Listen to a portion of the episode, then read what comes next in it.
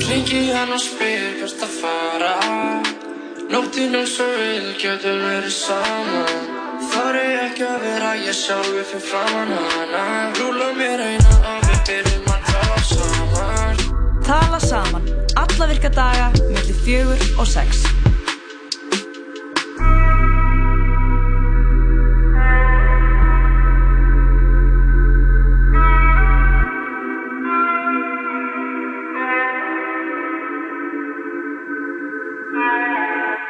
Já, góðan daginn, sítið þátturinn tala saman hér á uh, útvarf 101 Jóhann Kristófur og Lóa Björk verið með hérna í dag frá 4 til 6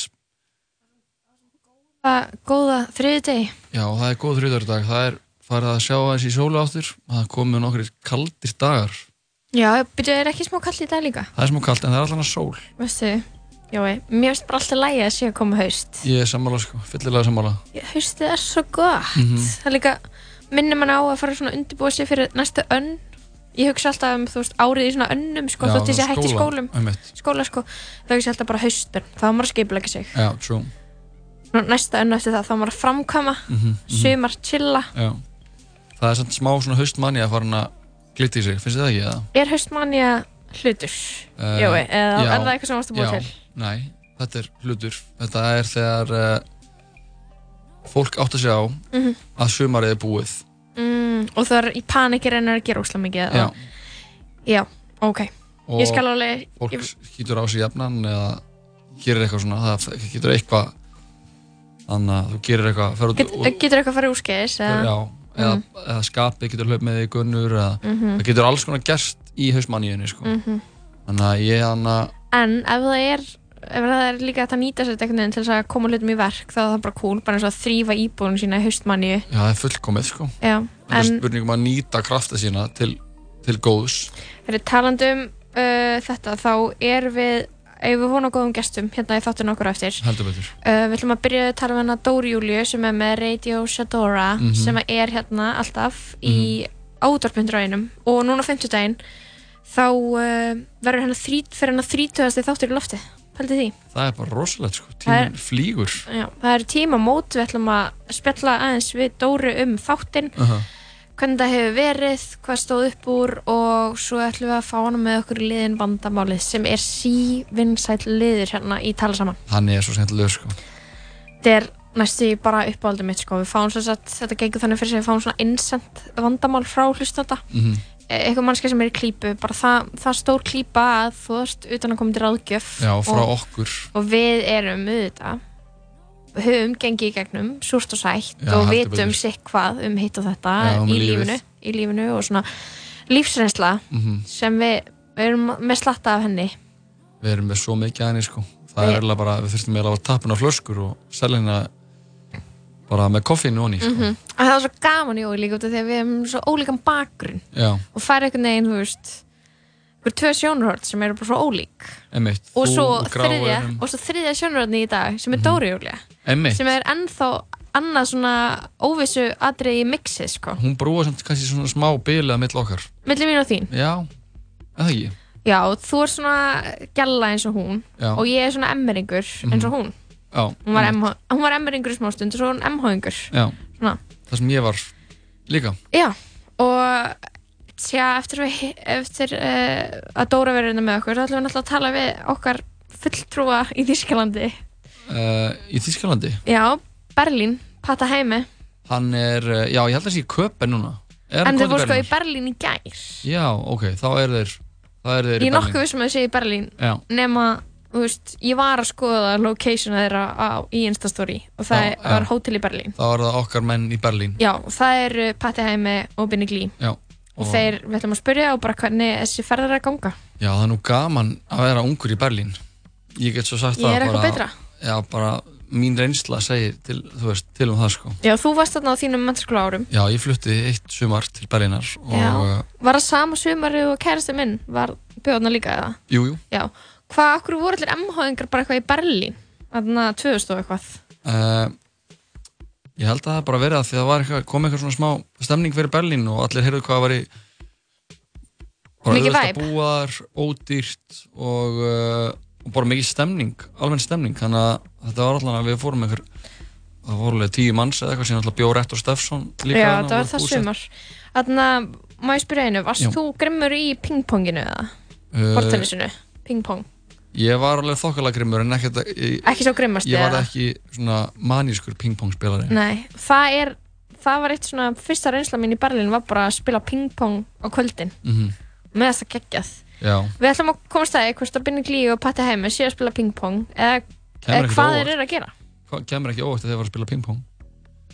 Og Nei. síðan ætlum við að fara í fréttir. Það náttúrulega er sitt, sitt lítið af hvoru að segja úr heiminum Já, það er alltaf, ég myndi segja að þessi gúrkutíð hún er að líða undir lók sko. Já, hún, það koma góða fréttir síðan með haustmannjunni Já, þá fara hlutirna að gerast aftur. Fara Já. hjólin að rúlla. Hjóla lífsins að snúast og Já, og pólitíkus er að segja ykkur vittlisu og menn, menn í fram, fremri sjálfsmáli fangelsi og Já, eða, eða hvort það eða gerist. hvað, þú varst nú með ykkur ágæti samsæðiskenningu á hann um Jeffrey Epstein Mhm. og ég hugsaði bara, nei, jói þetta er svona, þetta er svona álhats samsæðiskenning Ég held ekki. Þú veist, þú getur ekki treyst bara einhverjum nafnlausum á Reddit. Nei, ég hef mína heimildamenn Ég hef mína heimildamenn í þessu og ég, veist, nafnlausgaur á Reddit er bara nafnlausgaur á Reddit, skilur við Mm. þú þarfst að hafa eitthvað meira, aðeins meira backup. Já, þetta er bara spurningum ég er ekki að reyna að rústa þig, sko. Nei, nei, ég, ég, ég, ég bara ég, ég ég hef ekkert á móti, skilur, samsæðiskenningum Nei, og það gæti alveg verið satt, ég held að það sé satt. Ég, Mér finnst bara gaman og ég trúi á það góða í fólki. Og þegar einhver segir svona þá vil ég bara trúa því að hann sé að segja satt. Er það bara við þar við gagvart því sem fólk segir. Þannig ef ég Ég væri hérna, bara ég væri bara eitthvað ok, jói, í gær þá kem, kefti ég heimsmest, á heimsmestunmótin í sundi og ég vann. Þú verður bara, ég bara trúi að það góða í fólki og bara þú setur að segja satt. Ég hef bara eitthvað fórsend til að vera eitthvað að, að ringja fólk að ég bara treysti á það að fólk segi satt frá. Þú hefur samt alveg oft ok, skeitir ekki máli, við ætlum ekki að leysa þetta hérna í beinni en uh, ætlum bara að heyra ykkur á góða tónlist og svo þegar við snúum aftur þá verður hún dórulega sest niður hérna með okkur í uh, kósi spjall. Heldur. Eins og hún veit best. Jú, jú, það er rétt. Við ætlum að byrja þáttinn á einu svona cozy lagi, það er þriðdag, það er smá rock Akkur ef ég á tilfinningunni að þú setja að segja cozy lag og muni setja eitthvað sem er ekki cozy Þetta er mjög cozy, sko Að það? Já. Ok. Þetta er uh, söngvarinn uh, The Weeknd eða Ah. eins og Helgi eins og myndi kannski heita DJ íslensku. Helgi Nei, Helgi, The Weeknd eða Helgin Já Lagið hittir The Morning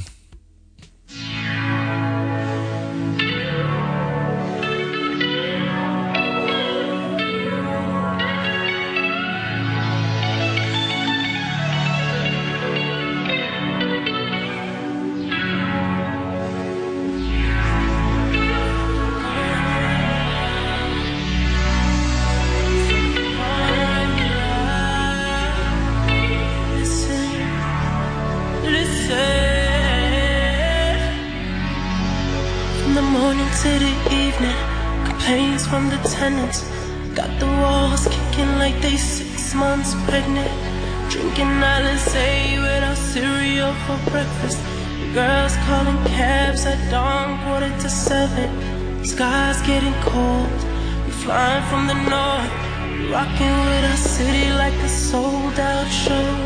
A house full of pros that specialize in the poet. Make that money rain as they taking off their clothes. Order plane tickets, Cali is the mission. Visit every month like I'm split life living.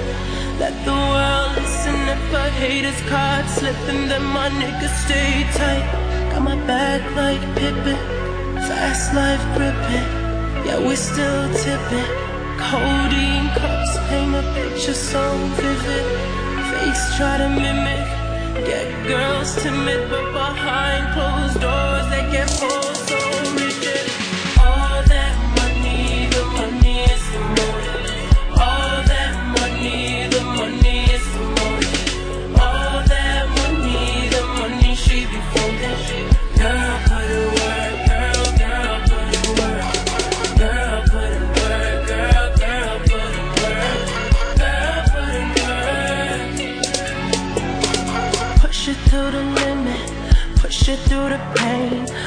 For the pleasure like a virgin to the game.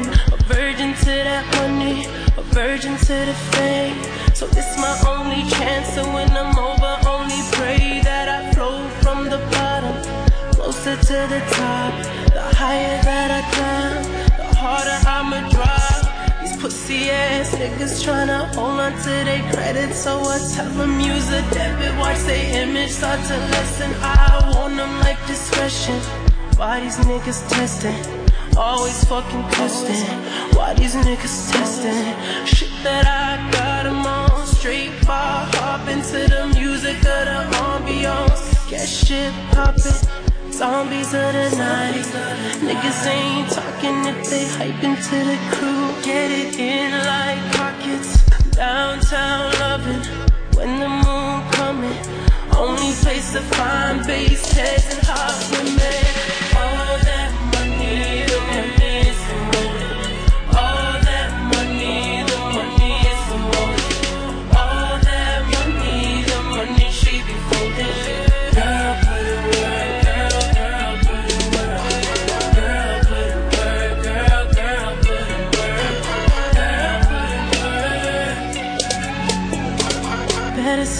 Down, she'll feel it in the morning. Ain't the kind of girl you'll be seeing in the morning. Too damn raw, ain't no nigga worth her holding. Ain't no nigga that she holding, man, her love is too damn foreign. Look at all that money, the money is the money.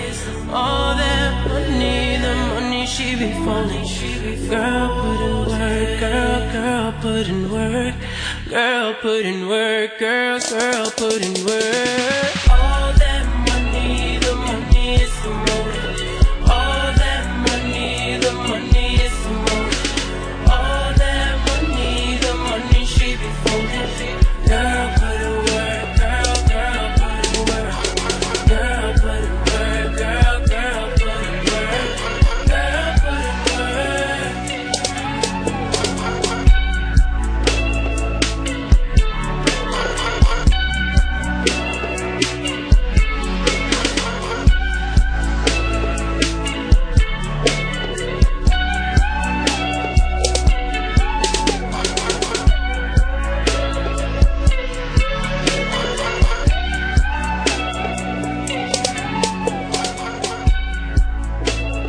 Tónlistamæðurinn The Weeknd, lægið The Morning.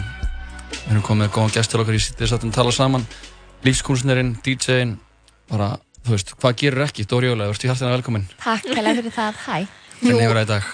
Jú, hún gerir náttúrulega annað, hún er með útastáttin Hún er, já, þú veist, ég er er alveg út að skýta hennar. Já, útvarskona, Útvarskona. bæti því to my resume. Já. Já, hæ.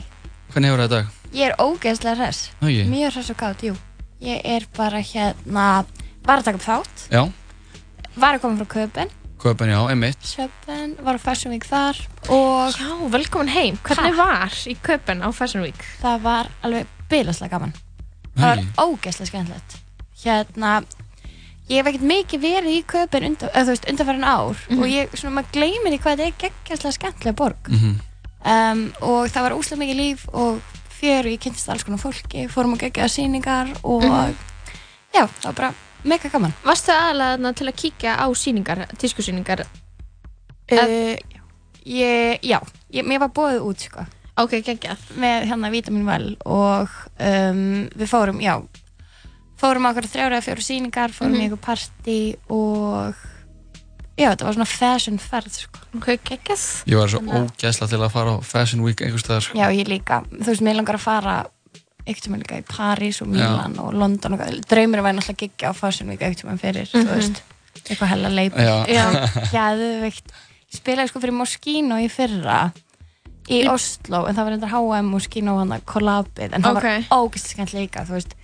Þá var mér flóið út og ég fór í mátun og fekk hún gildan leður að að Oh þetta er svona gig sem ég væri sjúklega til að vera þú veist, það eru nokkra pýr sem eru svona bara fashion DJ-ar Mhm. Sem væri algjör draumur sko. Er ekki líka eitthvað svona DJ, er ekki stundum eitthvað DJ bara DJ live meðan að fólk er að lappa niður runway? þú veist, það er svo ógeðslega skemmtilegt að hafa svona bara sem flesta listmeðlega að vinna saman þú veist, Einmitt. tískusýningar eru svo mikið art phenomena Mhm, þú veist, að þetta er svo mikið list og kultúr og tíska og þú veist, alls konar módel, þú veist, þáttökulist bara. Já, þetta er bara allir pakkin. Já, þetta var mega gaman og ég vil aldrei fara á svona áður sko, þannig að mér varst það geðveikt, skemmtilegt Hvaða sýningar fórstu þið á? Ég fór á hérna það sem svona stóð upp og var sýning, svo, label sem heitir Stand Mm, og það var, veist, sjúklega mikið coordination sem ég dyrka þú veist, Já. það var svona Mhm. neon snakeskin appisungulir, Mhm. þú veist, set og Mhm. alls konar eitthvað svoleiðis og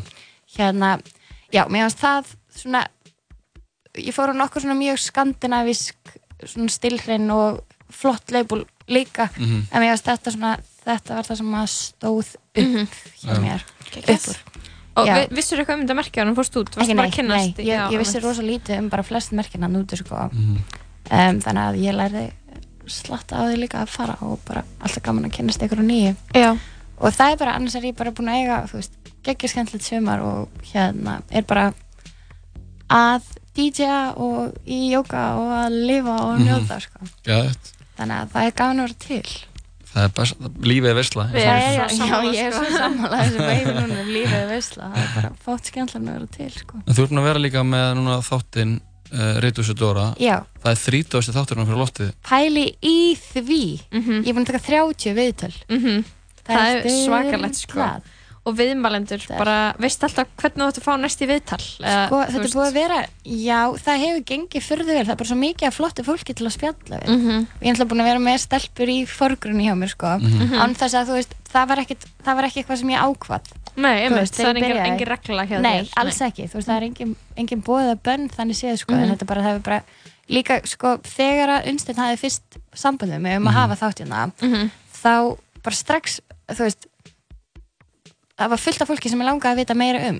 Þannig að það var Þú varst alveg strax bara með banka. Já, alveg langan lista af fólki sem ég hefði áhuga að heyra frá og spjalla við. Og þú veist, þetta er þetta er svo súper skemmtilegt. Þetta passa svo einhvern veginn fullkomlega inn í lífið mitt og það sem ég er að gera og það er ótrúlega, þú veist, maður er svo forvitin og mann langar alltaf að læra eitthvað meira og Mhm. ég er búin að taka þú veist svo mikið til mín úr hverja einsta viðtali sem er óslega skemmtilegt sko. Það er geggjað sko að fá svona pick the brain á einhverjum sem mann finnst óslega cool. Akkurat, sem maður getur, þú veist, er inspærðar af einhverju, þú veist, þó þetta sé fólk kannski sem er gjör ólíkt manni og eitthvað, þá lærir maður alltaf eitthvað nýtt. Mhm. Þannig að það er, já, Reykjavík Dóra, þrítástu þáttur, það er styrkt. Það er risastórt. Sko. Og svo er, Huge. svo er alltaf með DJ set Já, eftir þáttinn akkurat. sem eru mjög vinsæl sko. Já. Fáum alltaf eitthvað skilabóð þegar hann er í gangi. Bara hver Já. er að DJ-a? Gæðvikt, já. Þannig að, There can only be one. Nákvæmlega. Ég held að það er svona frekar, já, ég held ég sé með svolítið svona identity í því þegar ég er að spila. Þú ég er- Klálega sko. hérna, og það er líka óslega myndið út af, þú veist, eins og við bara ég rætt aður, ég náttúrulega var algjör party girl Mhm. og settin mín enkennu svolítið af því en þú veist, mér finnst ótrúlega gaman að geta hérna því ég er með klukktíma sett Mhm. þá get ég spila bara öll uppáhalds dans, pop lögin mín og að verðu bara gegja partí, sko Mhm. Áttur eitthvað svona að- uppáhalds eða svona eitthvað viðtal sem þið finnst standa upp úr á þeim sem þau hefur tekið. á þess að þú þurfur eitthvað að að gera velja milli. Gera á milli, já, nei, um, sko mér fannst rosalega viðtalið sem ég tók í síðustu viku fannst mér æðislegt Mhm. við konu sem myndi Solveig Þóransdóttir og það mér finnst, þú veist, það er konu sem ég hef fylgst með lengi og mér finnst hérna hún er sem sagt Ríkur Sólir Jóka, jókakennari sem var verbrjóðmiðlari Vá. og tók bara Já, 180 gráðu einmitt. og ég er svo hrifin að þessu líka bara þú veist að því að við erum einhvern veginn alltaf að þróast og breytast og endur uppgöt okkur og eitthvað þannig að mér finnst að kannski líka því að það er svo ferst í minninu en þú veist það var alveg bara svona mér finnst það super inspirational og mjög Mhm. skemmtilegt mm.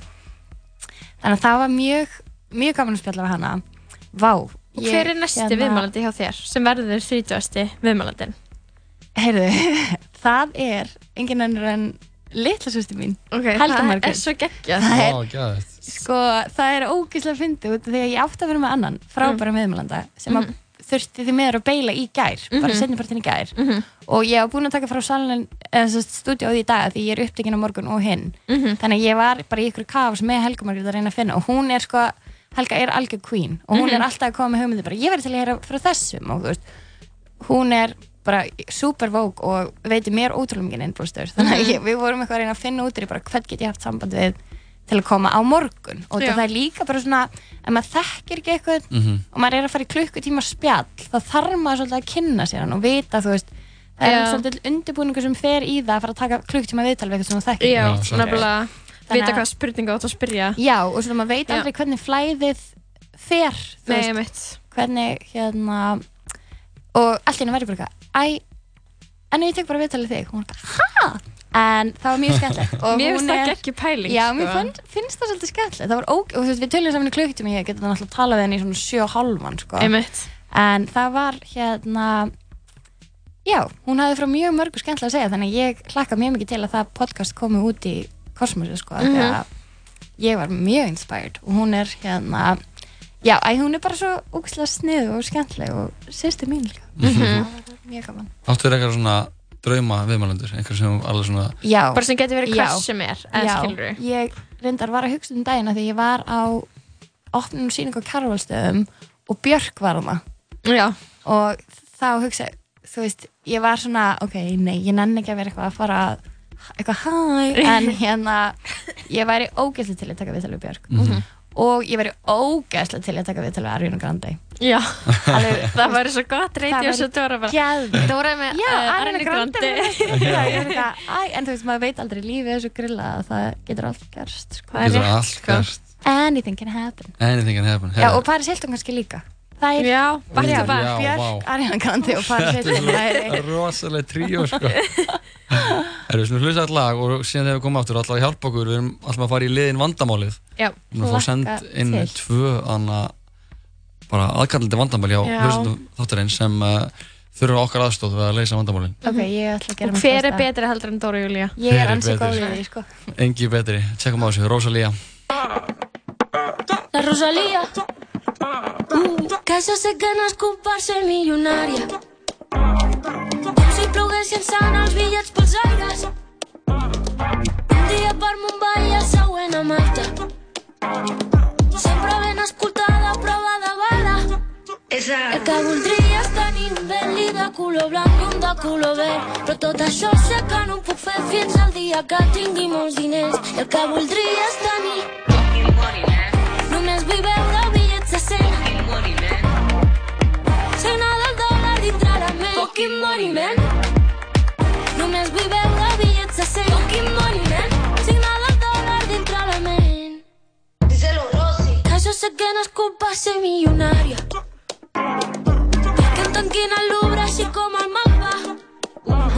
La Cada dia mixtape. celebrant el meu cumpleaños. I dos llopats corrent pel jardí de casa. I el que voldria és tenir Només vull veure bitllets de 100 Signada el dòlar dintre la ment Fucking money, man. Només vull veure bitllets de 100 Fucking money, man. Signada el dòlar dintre la ment Porto dos Fets amb el coberts de diamants I un bloc bloc caviar bang bang Que te'l puc regalar Tinc un xaval contractat perquè m'obri els regals de Nadal. Tanco el centre comercial i em menjo jo sol un gelat. Cava xampà, foto i botelles, vaig a juliol, compro una estrella. Tinc una illa que té el meu nom, però el que voldria és tenir. Només vull veure bitllets de 100 Fucking money, man. Només vull veure bitllets de 100 Fucking money, man. Signada el dòlar dintre la ment Fucking money la. Fucking money, man. Fucking money,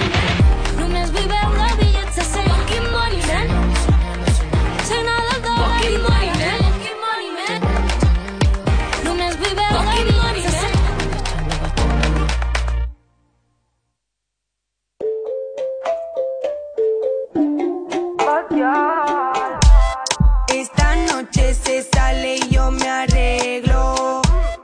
Y el club va a estar petado, yo lo presiento. Cuando entro alguna miran con resentimiento. Porque ellas saben que ahora yo soy la del momento. En Barcelona nos vamos al strip club, pero la nena lo movemos como J-Lo. Dile al DJ que en este party no tire rap, porque la nena lo que quieren es al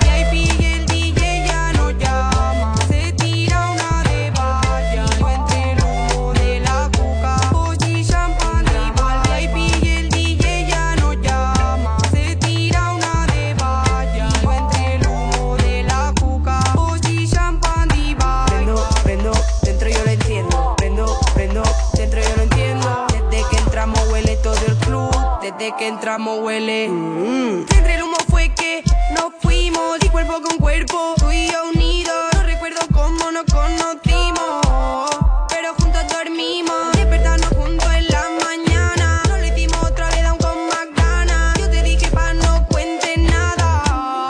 Y me fui preocupada. Pasamos por tu club, no jugamos. Hasta que no nos echen y ahí no nos vamos. Y las mías te lo mueven hasta abajo. Bailan heavy que parece su trabajo. Entramos al VIP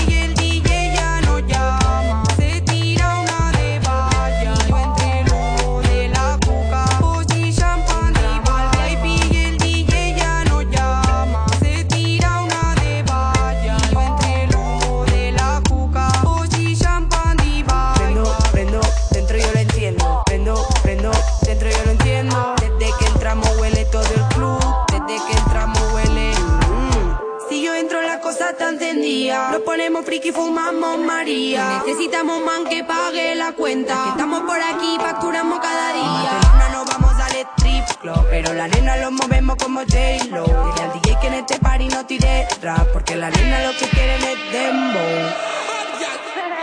Entramos al VIP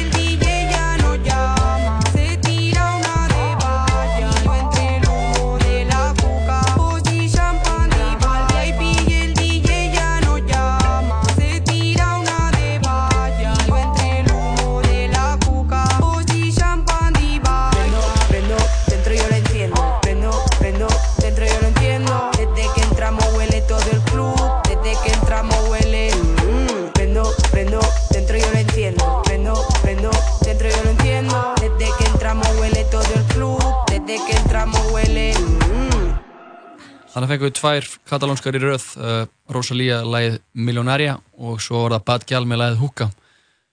Sýtistátturinn tala saman heldur hér áfram Jóhann Kristófur og Lóa Björk með þetta sex í dag og uh, við erum enga aðra en Dóri Júliu hjá okkur í stúdíónu. Sup. Sup. Við erum, uh, erum slökaði, það er þriðu dagur í dag Mhm. og uh, veðrið er svona, það er komið, það er fara, erum að taka eftir, því, það er að koma Já. haustpestinar, það er að koma. Já, ég er það. Já, já, það er síðsumar annað Mm. veikin, það er allir að verða Þú kvefaðir. veist, alltaf, þú veist búin, það sem þú ert búin að vera að gera, Jói, í þessum þetta, þú ert búin að vera að finna upp hluti og setja haustforskiti fyrir framann. Það er haustmanjan, það er haust uh, pest og... En ég elska haustið. Haustpestóið. Haustpesto. Hvað er haustpesto? Ég er hrifin af þessu. Ég líka, tískan á haustin er svo ógeðslega skemmtileg. Mér hefst gæði gaman í gæri, ég kom heim og það var kallt og ég fór í oversized hérna loðfeld og allt þetta vibe Mhm. er ég Já. mjög mikið fan á sko. Og svona fyrir mörgum lögum, Já. sko. Layers. Layers. Layer love. Ég er hérna að setja hana í sko fimm flannelskýrtum, sko. Ég er enda bara í maga Ég, ég elska að þetta í fimm flannelskirtum, sko. Já, maður verður að, það er einir ekki nóg. Einir ekki nóg. Það var, svo, það var svo ótrúlega gott á Twitter um daginn, þá var, þarna mun- þið, veitir hvað Hot Girl Summer er. Það er búið að vera í gangi í fullum gangi allt sumar. Hot Girl Summer.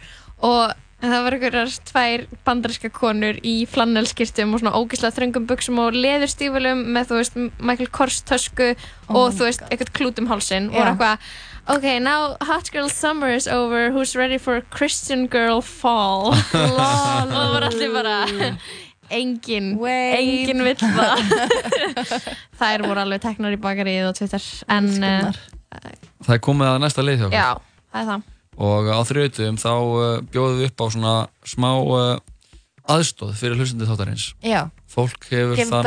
Já, svona option. Mhm. Við bjóðum fólki upp á að senda okkur uh, vandamál sem þau eru að upplifa í sínu engalífi. Mhm. Ok. Nafnlaust á netfangið vandamálið at uh, 101.life. það er þetta bara að vera að nota mitt Lóa Já, Lóa. 101.life En þú ert samt eiginlega vandamálið. það er rítarektast yfir að Lóa. En við erum komið með tvö, tvenn vandamál Mhm. í, uh, á netfangið okkar, uh, þitt, Lóa. Og Dóra, þú ætlar að vera elskulega að hjálpa okkur að, að hjálpa þessum Já. hlustanda. Mhm. Ok. Og Lóa, ætlar þú að lesa Við skal lesa þetta Ok. er bara að byrja bara einu Ok uh, Er þið tilbúin eða? heldur betur? Ok. Hæ, tala saman. Ég er 20 ára gömul og hef aldrei verið í sambandi. Ekki það að sé eitthvað skrítið. Ég held að það sé loksins eitthvað að gerast núna. Ég er búin að vera að hitta strák sem ég er lengi búin að hafa auga á núna í tvær vikur og mér finnst það svo gaman. Hann er ótrúlega góð við mig og ég hugsa til hann svona hundra sinnum á dag og ég dyrka vera með honum. Ok, vá. Alright. Ok, haustmani Hundra sinnum á dag, já. Herðu, bara að hlæja. Nei, ég er bara að segja, vá. Nei, ég er að ok. djóka, það má hlæja. Það er oft. Æ, ok, ég ætla að halda fram. Okay. Þannig er mál með vextið að eftir mánuð er ég á leiðinni út í skiptinám til Parísar. Ok, Aha. og verð þar fram með jól og kem svo heim for good. Nú þarf ég að hjálpa ykkur að halda. Ég veit í alveg ekkert hvað ég á að gera. Mega sansa reyna að halda áfram að vera saman í þá fjarsambandi eða ég hefur kannski bara hætta saman og svo svona tíu spurningamarki. Ok. Mér finnst vandræðilegt að fara að spyrja hann út í þetta núna því við erum búin að vera að hittast í svo stuttan tíma. Þú hún sagði Ok. á þann, já, tvær vikur. Ah, Ok. En ég finn samt að hann er klálega eitthvað sem ég er mjög spennt fyrir. Kæra tala saman, getið reynt að setja ykkur þessi spór og hjálpa mér. Ok. Eru þið að- hitta? Mér fannst svo að hún hefði bara augast á Nei, eru ný, ég held sko að það er krúsalega að vita hvað landi liggur hjá honum. Já, ég held að Fyrir hana? Já. Hún er alltaf að hugsa um hann hundra sinum á dag. Þú veist, ef að hann er sjúklega skotin í henni líka, þá, þú veist, ég held, ég hef full að trúa því að ef eitthvað er rétt, þá er það rétt, skilur Já, tíminn er bara Já. Hann er bara með þér í liði þegar það kemur að svona sko. Já, Já, en sko ok, ég ætla að lesa þetta einu sinni hérna- það sem hún segir, það sem hún klarifæðar hvernig það er. Já. Hún er 20 ára, hefur aldrei verið í sambandi, Mhm. uh, held að sér loksins eitthvað gerast núna, ég er búin að vera að hitta strák sem ég er Já. lengi búin að hafa auga á, Já. Ok, núna í tvær vikur og minnst það Ég gaman. Eru, þú veist, hún er búin að vera skotin í hún lengi, Já. en er núna búin að vera að hitta hann í tvær vikur og það er að ganga óksla vel. Já, og hún er að fara til mánuð. Uh, já. Ok. Ef við ekki bara leifum sem mánuð að gerast, er það ekki Jú, besta ráðið fyrir þess að- að skvísu það? Ég held að það sé bara alltaf best að vera ekkert að taka of stórar eða svarta hvítu ákvarðanir. Það held ég bara fara svolítið með flæðin í þessum. En það er samt líka gott sko þegar það er að kemur að vita bara hvort þau eru saman eða ekki þegar hún fer Já. Svo sé ekki eitthvað einn heldur á þessu í op, Já, þetta sé opnum opið. dæmi og hinn er bara gett lojal Í rauninni stundum sko. Og það, já.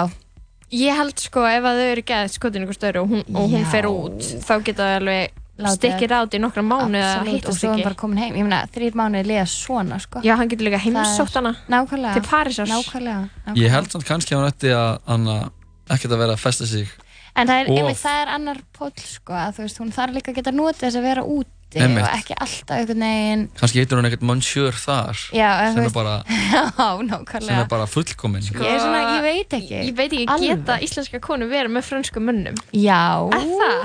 Já, þær geta það En það? ég veit ekki, þú veist, kannski ekki algengt Nei, Að það er ég- eitthvað svona Já, það, er, ég- það er eitthvað svona menningamunur þarna. Það er svolítið, sko. Það er satt. Þú þekkir eitthvað franska menn. Já. Þeir eru svolítið svona Já, já þeir eru leiðilegir svona- ég já. get alveg sagt það hreint út að þeir ég, eru sko, ég myndi Ég ætla að segja sko Já. svona Já, mér finnst það ekkert svo Þeir eru svona hva, Veitir hvað ég er að tala um? Svona, Já. Svona klingi eitthvað. Svona Já. klingi Já, ég held kannski possessive. að Já, Já. einmitt, sem að íslensku konur fíla sjálfsög You are my girl. Já, Já. já, nákvæmlega Já. Svona eignar haldið já, eitthvað já, einmitt, það er alveg satt en það er samt svona, það er samt eitthvað munur á því að vera alltaf að hugsa um eitthvað, þú get ekki notið þess að vera 100% á staðnum Mhm, En svo er samt, svo er samt annað líka þú veist að vera á staðnum og prófa hluti þýðir ekki Já. eitthvað svona endilega kynlíf með fullt af fólki algjörlega Það ekki, getur verið bara algjörlega eitthvað- ekki algjörlega en það ekki getur líka þýtt það Það, já, Já. fyrir einmitt, marga en það, því er svona no limits já, í rauninni. Já. hún vil kannski bara hana, Fara í sleik þú veist, við einhvern, explora skilurðu. sína Já, já, og einmitt. sína bara, þú veist bara sitt kyn og hún er líka tvítug, þú veist, þannig að þetta er svolítið svona aldurinn til að vera svolítið frjáls. Já, fara í Menage à Trois í Paris Nákvæmlega. og, Oui, baby. og sem er einhverjum- hvað þrý kynnast kannski einhverjum manna kannski kynnist hún einhverjum fyrsta já, Í- flytur í höll. Já, flyttir í höll, af því að það getur, einhvern veginn- það getur allt gæst í. París það allavega það sem, það sem gerist samt helst í svona skiptunámum er að maður er mjög mikið einn. Og maður er og mjög mikið bara einn í þessari borg einmanna Já. og það getur verið mjög næs gaman að geta hugsað til þau FaceTime Já, eitthvað sem er your crush á Íslandi Mhm. Já, en Nema sko, þú sért- draumur í þessu situationi Mhm. myndi ég segja að loka ekki fyrir neitt ákveð ekki neitt Mhm. og treysta því svolítið að það sem á að gerast gerist Mhm. svo kemur hann heim í desember og bara allt verður amazing en Mhm. ég held að sé líka pínu pressa alltaf að fara beint Æ, veistu, ég veit það ekki ég hérna Hún þarf allan að smá að taka púlsin á sem gaur Hún segist hugsa, crucial, sko. hugsa um hann hundra sinum á dag. Hann kannski hugsaði bara um hana svona fjóru sinum á dag. Já, eða einu í viku Já, eða bara já, couple of weeks Svona, já, bara þá. nákvæmlega. hann er eitthvað svona aðeins að spá henni bara svona, já, já, Já, og kannski er hann bara eitthvað svona, æ, það er gaman að þessu núna en hún er að fara. já, Án þess að maður vilji vera eitthvað harsh, þú veist, þá er það bara svona, Það er möguleiki. fólk hugsa, það er svo skrítið, finnst ykkur það ekki, að þú veist, einhver getur haft, verið gett skotin í einhverjum og hinn er kannski bara ekkert nærið því eins, hugsar ekki það sama, Nei. þó þau séu saman í einhverju svona ætumi. mhm Það er mjög merkilegt. það sem er líka til sem við þurfum að taka inn í þessa mynd er eins og uh, þau sunguðum í grís Summer. Lovin' Nákvæmlega, no, oh, það gerist oft, það gerast hlutir á sumurinn akkurat. og, Svona summer flings. já, og oft eru þið bara gerðir til þess að ge- gerast Já, á sumurinn, það gerast bara á einmitt. og síðan einhvern veginn þegar það fer að koma myrkur og, og kallt Já, þá einhvern veginn þá bara þá Er ekki- funkar að výrarnir ekki eins nákvæmlega. Er þetta, Það er eitthvað svona þetta fling. staðarind? Já, Já, þetta er þetta er alveg staðreynd, þeng, sko. já. Ok. Og sumt er líka bara gert fyrir stuttan tíma. já, Þú veist, það er eitthvað Já, maður á það bara að lifa því að vera stutt sko. Mhm. En Akkurat. þetta gæti líka verið maður Svo gæti þetta verið bara nákvæmlega. Og eitthvað franskur mann sjör með eitthvað svona ógíslega mjótt yfirvaraskegg í Já. támjón skóm já, svona bófa Er að fara- ból, svona já. röndið ból með, með barrettu með Já, um, Þannig að þú veist það, það er ekkert endilega betri kostur þó að það sé eitthvað svona væpi við því sem er spennandi akkurat, maður þarf að hlusta hjarta, sko. Mhm. Þannig að Mhm. við hvetjum henni bara til þess að aðeins að, akkurat, taka púlsinn á þessum strák. já, anda inn í þetta Já, og ekki ákveða þetta núna, leiði þessum fjóru vikum að líða Já, og svo bara sjáu þið. já, það getur líka verið erfitt eitthvað svona að hún komið tilbaki í desember eitthvað svona, já, já, nú erum við saman Já, einmitt. og þá var hann bara eitthvað, uh, já, Við fjarlæga svolítið. eða- við vorum að hittast í tvær vikur Já, eitthvað. akkurat. Nei, einn og halva mánuð Já, ef þetta heldur áfram. Ef þetta heldur áfram já, já, já, Það er of snemt að taka einhver ákvörðun akkur núna. Mhm. engin drastís ákvörður tenni strax Nei, go Já. with the flow, baby. Ef við ekki bara taka eitt lag og og svo fer ég í næsta vand, lesi næsta vandamál við erum komið með sjó, bara sjóðandi heitt vandamál í, í Ok. inboxi sko. Ég heldur betur til í það Við slum tjekka á henni Rico Nasty Þetta er lagið Key Lime OG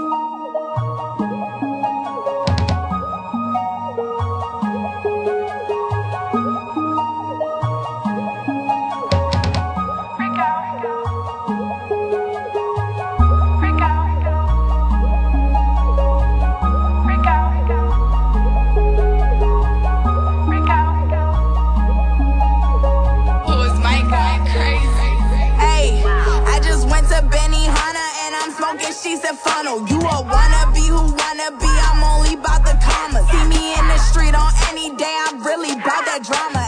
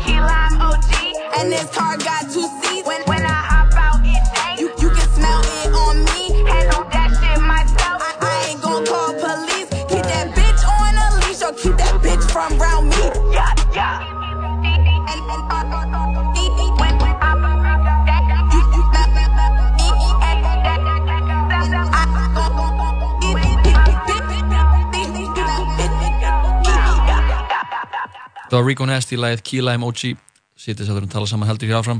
Við erum með Dóri Júli í stúdíónu og erum að fara yfir vandamál hlustanda þáttarins. Mhm. og uh, Lóa, ætlar að fara ætlar að lesa næsta vandamál? Mhm, Og ég lesa með grínrödd uh, venjulegri. Uh, Ég held að þetta er hreim? Mm, Ég held að kannski Venjulegri. Já, Ok, mm, if you say so. Ok, ok, ég er tilbúin. Ok. Hæ hæ, þáttastjórnendur tala saman Vil byrja á því að þakka ykkur fyrir frábæran þátt og ég er mjög ánægð. Skástrygg ur ok.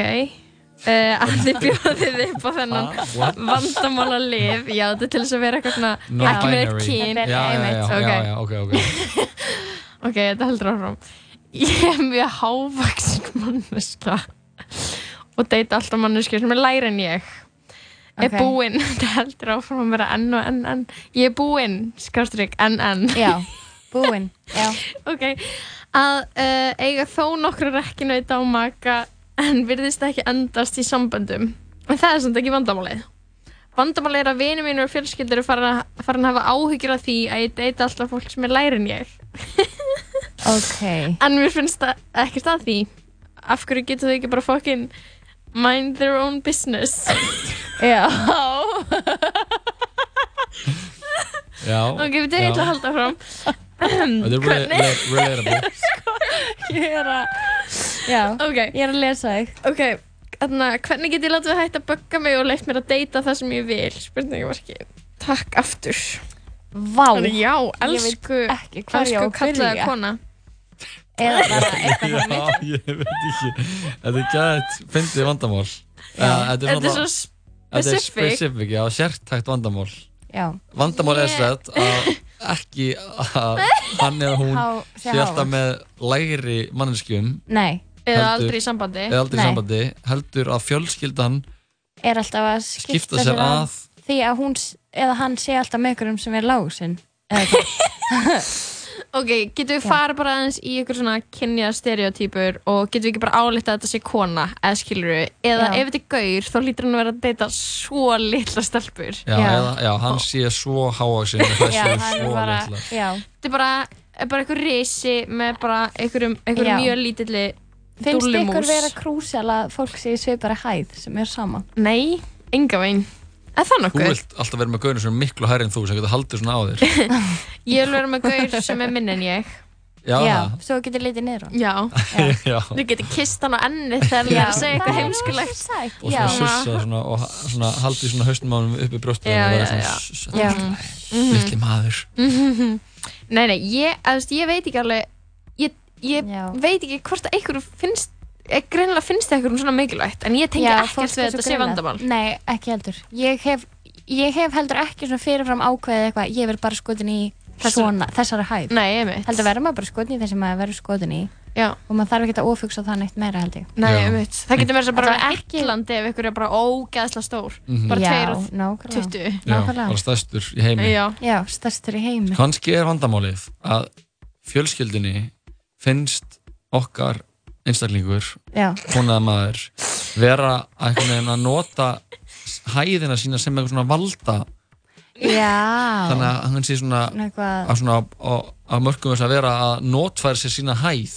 Já Hvernig Það sé svona, en fólk, já, einmitt Ég- já. Getur útskýrst Jói? Að, að þessi einstaklingur eins og fólk, get, það getur verið svona valda anna misvægi. eitthvað, Já, valda misvægi þegar fólk er eldra að hitta einhvern sem er eldri. Eða ríkara, Já, eða eitthvað ríkara. svona, veist, að kannski fjölskyldan á- áhyggjur á að okkar Manneska, manneskja sé að, að, að, að notfæra sér hæð sína og- manipuleita læri svona einstaklingi já, og bara kott þú hennar Lilli Já, Lilla, já, já. kott þú hennar og, Já, og sofðu hjá mér og síðan já. er þetta búið eða, við, Já, við byrjum ok. aldrei saman veitir hvað ég Já, menna? nákvæmlega, Er svona- það er náttúrulega vandamál Já. Er þetta svona, er svona eftirsöknumvert að vera hávaxin? Er það svona, gefur það mann svona mikið ég myndi status? ekki vilja Nei. neitt frekar að vera svona hávaxin 95 á Það myndi ekki passa við þig það, ég væri svo einhvern veginn allt öðru í þessi karakter en ég væri samt Já, Þú væri Ég- bara körfuboltagaur og Já. væri ekki með neitt persónuleika það er, værir svona það er sko ótrúlegt ég hef verið svona í, í eitt kvöldsund með hana hópi mjög hávaksana kallmanna já, Er annað væp? er annað væp Já, já, Já, það er það? annað væp Já, Er það?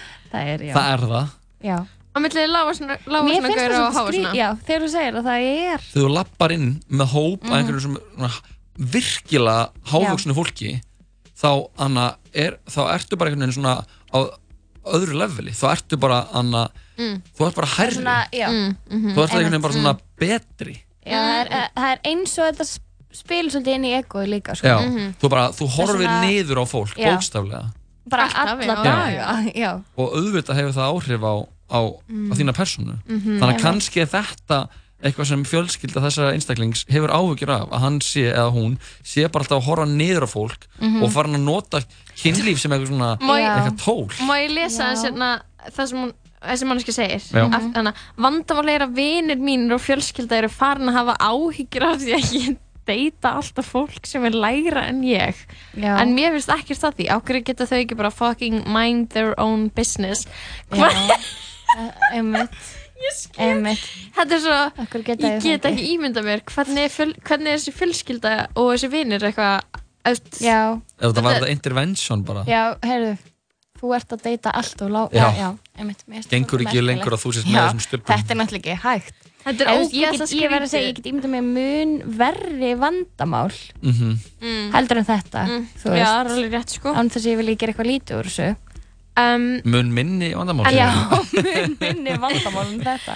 Í rauninni er samt sko svarið sem við þurfum að hjálpa þessari manneski að finna er bara Já, hvernig getið látið að hætta að bugga mig Já. og leift mér að deyta sem ég vil? Ég held En- að það sé eitthvað svona skrít er ekki eitthvað svona skrít eitthvað svona meðvirknisdæmi í gangi? Jú. þú veist bara að kötta smá á bara ég þarf ekki að heyra þína skoðanir á Og þessu. þú náttúrulega líka velur svolítið hversu mikið þú tekur þetta inn á þig Mhm. og ekki sko. Ég held að það sé líka key að vera bara, ok, þú veist fólk mun alltaf segja eitthvað að, veist, ég held að sé Mhm. fjölskyldur eru alltaf að böggast eitthvað svona í hvort að þau eigir ofmarga kærasta eða hvort þú eigir ekki kærasta Mhm. mm. þetta, Já, já. veist, það er bara eðli, Já, eðli svona fjölskyldna vera með skoðanir að sem eru pyrrandi algjörlega, og þá, þú veist, en kannski fjölskylduna bara já, já, algjörlega og þegar þú kannski hættar að láta þetta bögga þig Mhm. þá fer þetta minkandi eða eitthvað, Já. bara allavega fylgdu hjartanu þínu, held ég að sé alltaf Haltu bara frá að deyta þessa stuppa já, veist, það, já, en bara- verður góður samt, Já. alla, Mhm. allt og alla já, það kannski bara eða hún, það kannski Já. bara að hann að að segja við fjölskylduna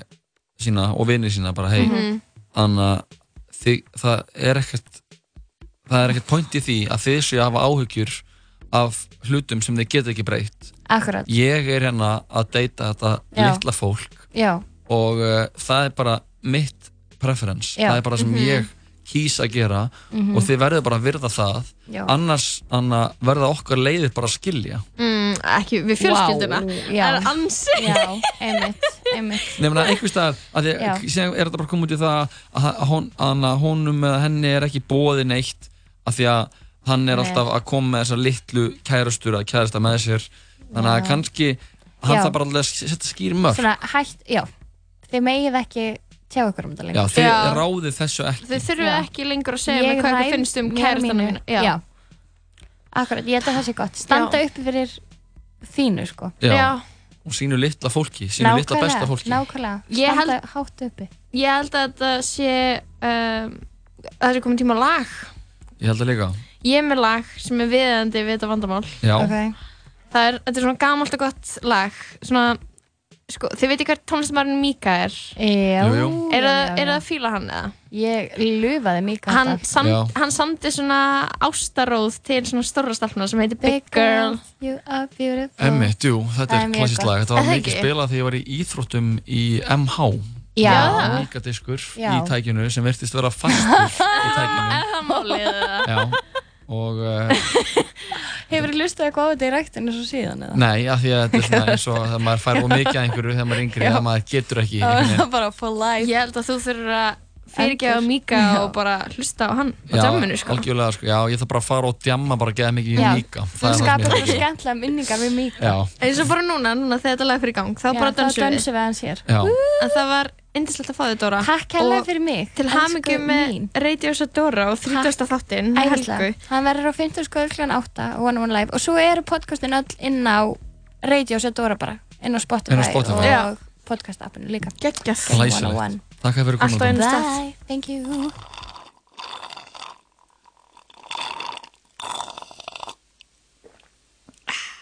Big girl, you are beautiful.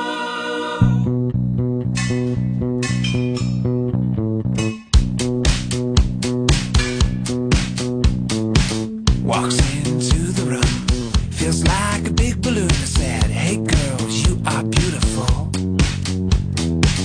Diet Coke and a pizza, please. Diet Coke, I'm on my knees screaming, Big girl, you are beautiful. You take your skinny girl, I feel like I'm gonna die. Cause a real woman needs a real man, here's why. You take your girl and multiply her by four. Now a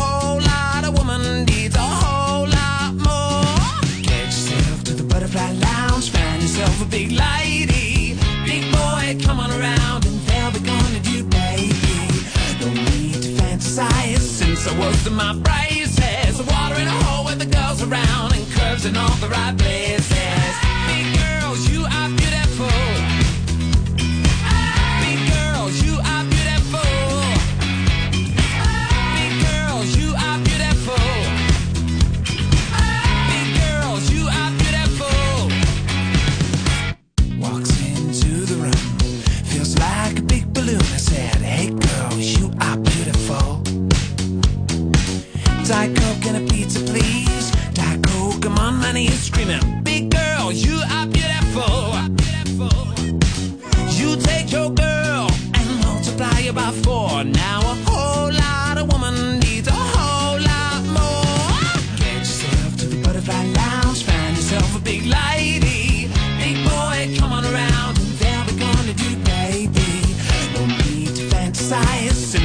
My braces.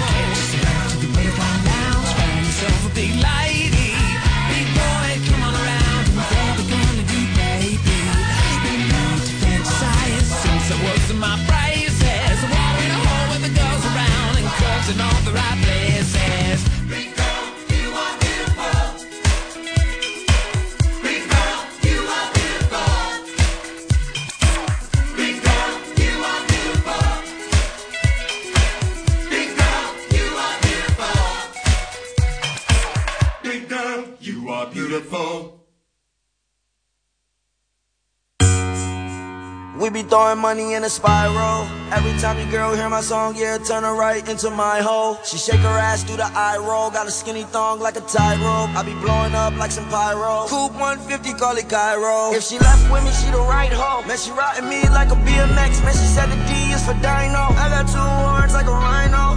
There's no way you could buy hope, but I brought a mention with a slide though.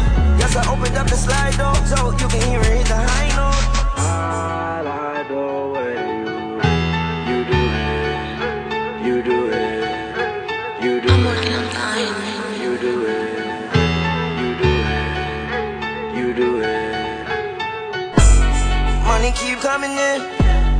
Can't lose. Money keep coming in, I can't lose. Foreign girls in they tens, I can't choose. Foreign car got the 10, I can't cruise. Got different color on my diamonds, I can't even see the time. I don't wanna see her face, I'ma go and get behind. Drop the top on the red, I'ma make it lose its mind. I just made a hundred K, it was quicker than a vine. I was swinging from a vine, try to pull me down, but I climb. I'ma get it, keep trying. There's no reason for the cry. We the ones that be sliding, we the ones that be dying. Know my boys that be riding, and my doors suicide. Side note, you will never reach my goals. I be walking with a slime nose, and I'm also walking with my side hoe. Only time I be walking when I'm on the moon, so I feel like Michael. I was talking to my little slime, that's a little lizard called a Geico. In reality, I'm 5 -0. Stand on my money, now I'm Six, six. Hit her once, now she dismissed. Can't fuck her sister, make her lick dick. 40 Audi, make my hip thick. When I see her up, make the clip hit. Aiming at the top, boy, you need a mop. Man, I'm going out with a vengeance. My pants, Ralph Simmons. My shoes, Rick Rick. Your girl did my tartar sauce, so she ate my dick like a fish stick. Hit it raw, yes, I am a dog. I don't do this shit for no image. All my diamonds, they be hitting hard. Try to play me, boy, that's a scrimmage. I got different color on my diamonds. I can't even see the time. I don't wanna see her face. I'ma go and get behind. Drop the top on the red. I'ma make it lose its mind. I just made a hundred K. It was quicker than a vine. I was swinging from a vine. Try to pull me down, but I climb. I'ma get it, keep trying. There's no reason for the grind. We the ones that be sliding. We the ones that be dying. Know my boys that be riding. And my doors. Live it up, you can just go any day now. Michael Montana, they from cake out. Got frost in my diamonds, I'm getting the cake now. I stay on your stomach, little bitch, when you lay down. Leave it up, cause you can go any day now. Michael Montana, they beat it from cake out. Frost in my diamonds, cause I got the cake now. When you on your stomach, little bitch, better lay down.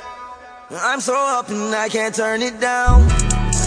They counted me out, my whole life turned around. Clean up my diamonds, you know I got rinsed. Know my boys coming, you know they be busy.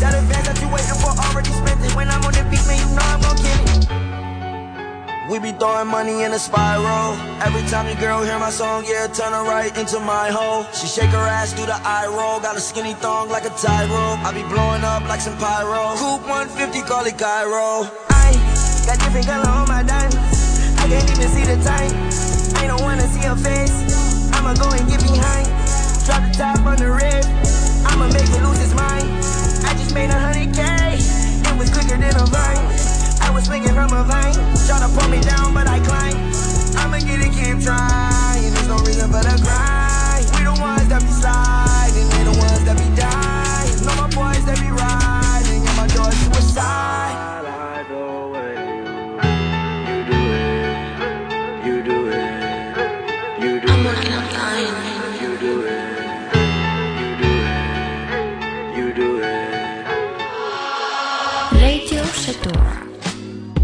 Öll 15. kvöld frá 8 til 10 á útarpundra 1 í bóði Íslensku Hamburgerfabrikunar Þriðjudags tilbúð Dominos. Fyrir þúsund kall færðu miðstar af pítsu með þremur áleikstegundum að einn vali ef þú sækir. Gildir fyrir klassískan, ítalskan og löfléttan botn. Dominos. Hamburgerabúla Tómasar, þriðudagstilbóð, þriðudagstilbóð. Hamburgerabúla Tómasar. Here I come. Anybody order fried sauerkraut? Níunda kvikmynd Quentin Tarantino Leonardo DiCaprio I'm Rick Dalton Brad Pitt Here comes trouble Charlie's gonna dig you. Once upon a time in Hollywood Frumsýn 14. ágúst Útvarp 101 Já, sýttisátturinn tala saman heldur hér áfram uh, klukkan er, uh, hvað, 1 minúti 1 við erum komið með góðan gest Ein mínútu í fimm. 1 minúti 5, já, hvað sagði þið? Einu myndi í eitt. Nei, 1 minúti 1 Við vorum að hvaða Dóri Júli og við erum komið með annan góðan gest hann er þó ekki okkur í myndu í hljóðverinu heldur er hann í símónum, Patrikur Hæmi hvað séu gott í dag? Gott. Er það ekki? Jú. Patti, hvar ert þú stattur þessa stundina? Ég er í Berlín með Binna. Þú ert í Berlín með binna Hvað eru það að gera í Berlín, strákar? Um, við erum eiginlega bara að chilla, myndi ég segja. Við erum ekkert að gera neitt sérstak. Bara eitthvað living. Bara living. Nice Living. Bara smá fríi Já. Úf, hvað er gott maður Ok. Er þið í fyrsta skipti í Berlín eða? Já. Já. Hvernig líst ykkur á? Mér, ég alveg fíla en mér finnst það smá svona hood ratchet eins og því ég er á lesturstöðunni. Mér finnst það smá tacky, svona, svona pissulikt Já, og svona. pissupilegt. En annars er það allt í lagi. Já, hún er smá, það er smá svona grunge stemning í Berlín, sko Já, mér líður smá eins og ég sé in the Bronx, svona með Cardi B og svona þannig. Já, ég er já. það. En ég fíla það samt. Hvar eru það að gista? Við erum á, hvað heitir það, Amano, Amano Grand Central. sem er bara við aða lestastöðina. Bara á móti. Á móti Berlin Hoppan- Hoppenhof eða? Já. Já. Gekkja bara, þá eru þið bara í, í miðbænum, í mitta Við í mitti? Já.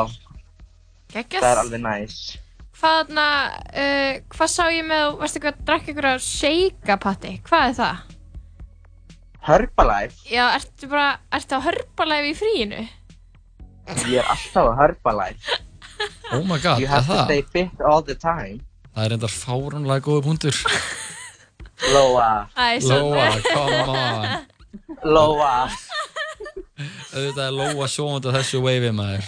Já, Jesus. Ok, ok, allt í góðu. Hvað, hvað ferðarlega er það á? Ætlaðu að fara eitthvað annað eða er það bara Berlín í billi eða?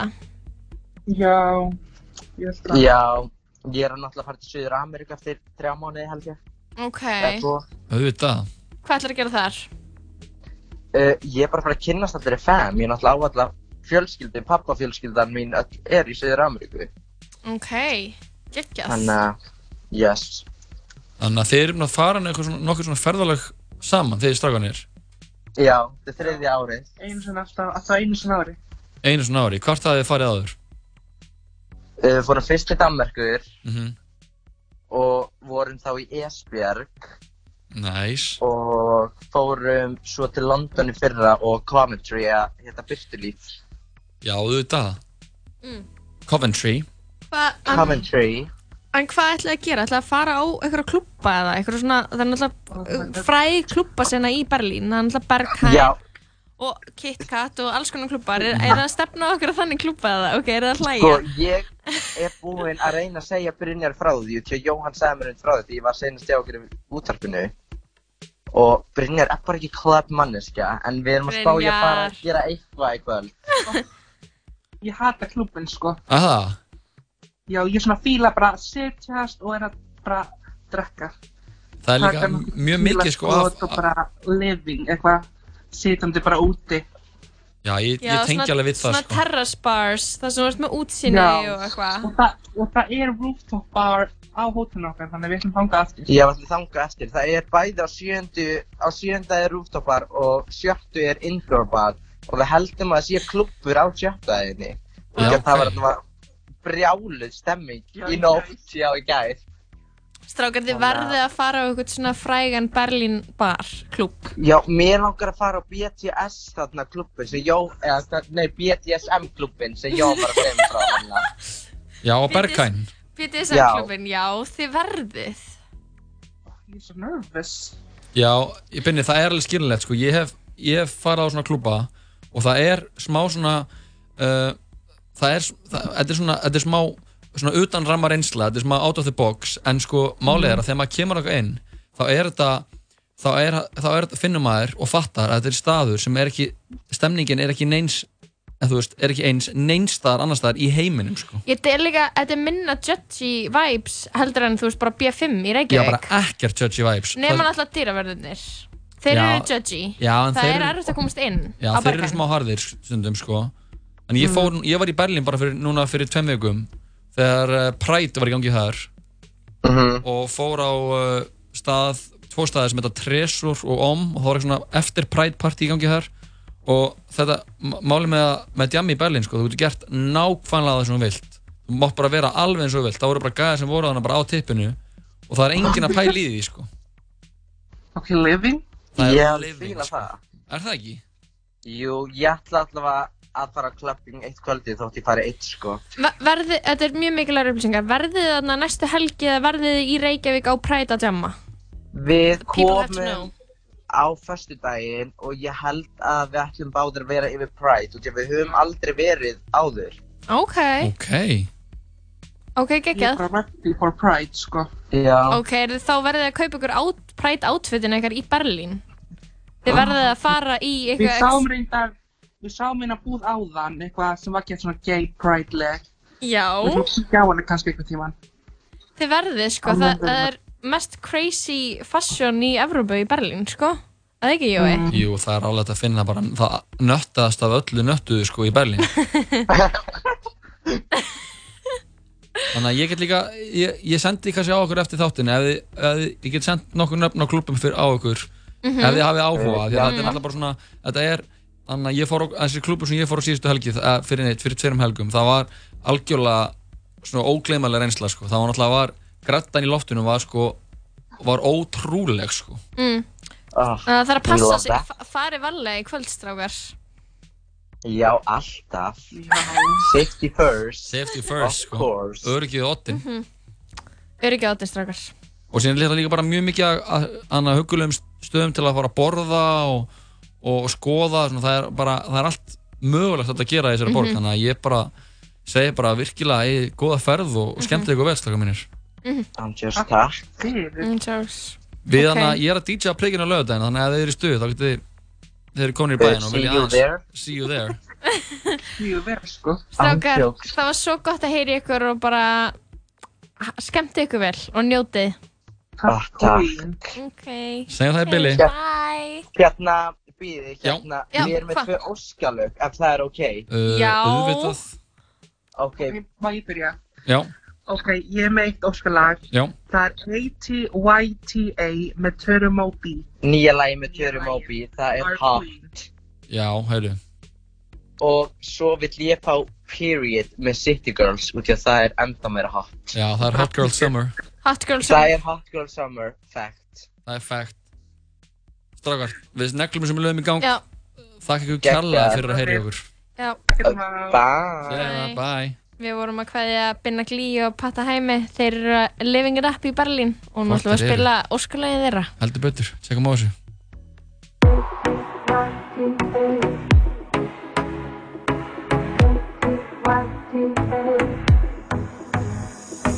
You think that you have some kind of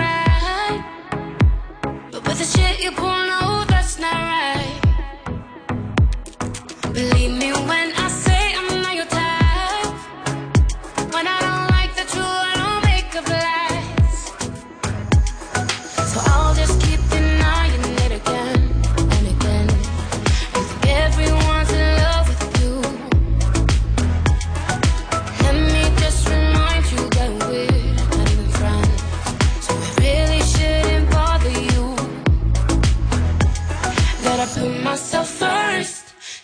myself what I'm worth.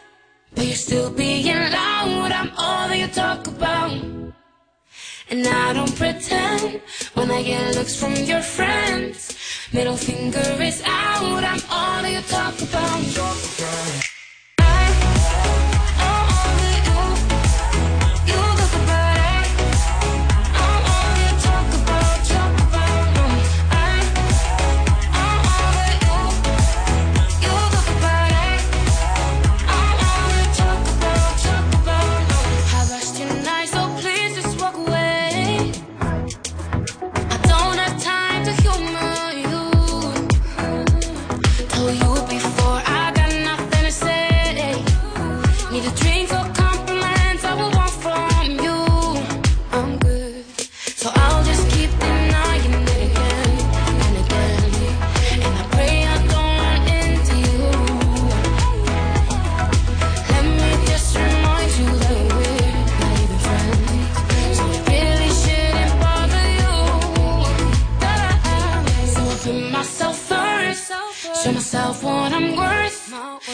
Still being loud, I'm all that you talk about.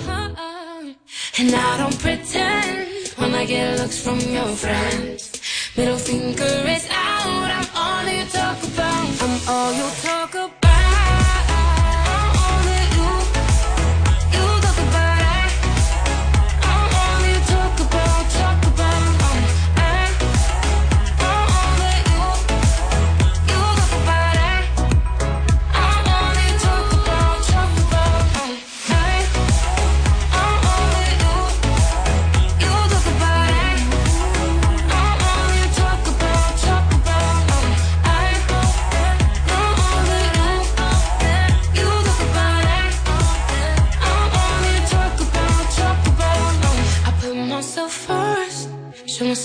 what I'm worth. But you're still being loud, I'm all you talk about. And I don't pretend when I get looks from your friends. Middle finger is out, I'm all you talk about. And I don't got a problem with it. I'll never be yours. And I'm never gonna say I'm sorry. And I don't got a problem with you. Not anymore. So you can go run your mouth, run your mouth. I'm all that you talk about. Já, þetta var óskarlag frá honum með Binna Glí, lagið Atita með Töru Móbi. Næst er það óskarlag frá uh, okkar allra besta Patta heimi. Patta heimi. Uh, það var lag uh, með hljómsveitinu City Girls og nú mann ég alveg hvað heitir. Manstu það? Nei, er þetta ekki með hann á Facebook? Getur ekki spurt Var það hann? Act Up? Ég ætla aðeins að fletta þessu upp. Sko, út af því að þeir voru með tvö lög í einu, skilur, og við settum eitt á Mhm. og svo erum við bæði aðtækningsprest Kings og glemdum bara henni strax. Uh, City Girls er náttúrulega búin að vera að ta það, við tölum um þetta Hot Girl Summer on sem búið að þessi stað. Er það ekki alltaf vera svona Jú, jú, startuð þær því ekki? er það ekki, ég veit það ekki, sko, Megan Thee Stallion, hún er líka búin að gefa lag, Já, uh. Eitthvað, plötu sem heitir Hot Girl Summer og er þetta ekki bara svolítið, veist, hver startaði þessu? Ég ætla bara, ég ætla að fletta það upp og svo þegar við erum búin að hlusta á lagið þá ætla ég að segja ykkur hver byrjaði með Hot Girl Summer. Já, og uh, við ætlum að hlusta á lagið Period með uh, City Girls. Þetta er óskarlag frá okkar allra besta Patriki Hæmi.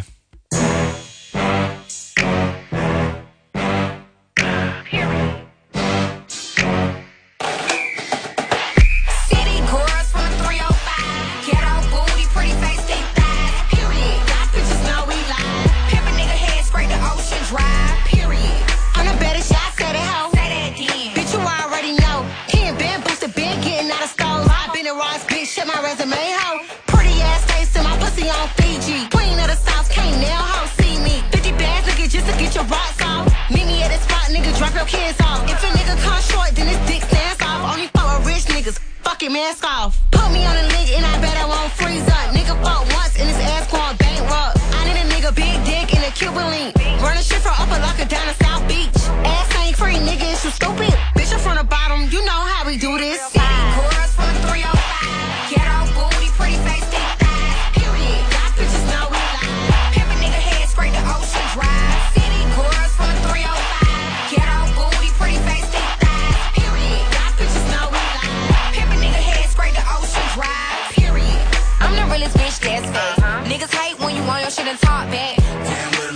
Nigga, what a bag at? Oh, you broke? A nigga, where your daddy at? I don't care if you sell dope or play football. You gotta be coined up to fill these walls. Bum niggas give me headache with a Tylenol. If you ain't talking money, that's a missed call. Hell nah, I ain't no motherfucking cheap freak.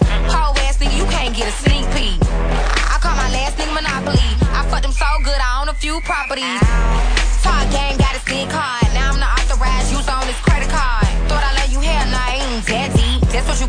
Fucking with a bitch like me. From 305. Ghetto booty, pretty face, thick thighs. Period. Y'all bitches know we. Pimp a nigga head, ocean. City girls from 305. Ghetto booty, pretty face, thick thighs. Period. Y'all bitches know we. Pimp a nigga head, ocean. Period. Nigga, what a bag at? Nigga, what a? Nigga, what a nigga, what a bag at?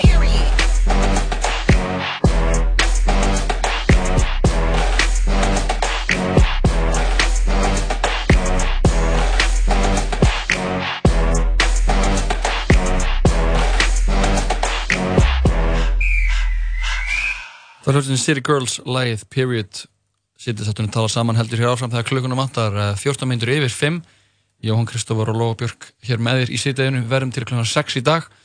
Við vorum að hvaðja þá Patrik Hæmi og Binna Glí sem Ó, eh, eru í Berlín. Mhm. og vorum svona aðeins að bara tjekka þeim. Þeir eru að upplifa kannski bara svona se seinustu augnablikin í Hot Girl Summer Já, sem að fer nú að líðandi lokk. Hvað er Hot Girl Summer Lóa? Hot Girl Summer er þarna bara reyfing, það er bara movement uh, sem að Megan Thee Stallion uh, er, er svona ein svona grasróta manneski á bakvið. mhm Hún gefur út svona tónlist sem er voðalega svona valdeblandi fyrir konur Já. og kalla sem vilja bara hafa gaman og gera sitt. Já, og vera Sjálfsöryggir og heitir.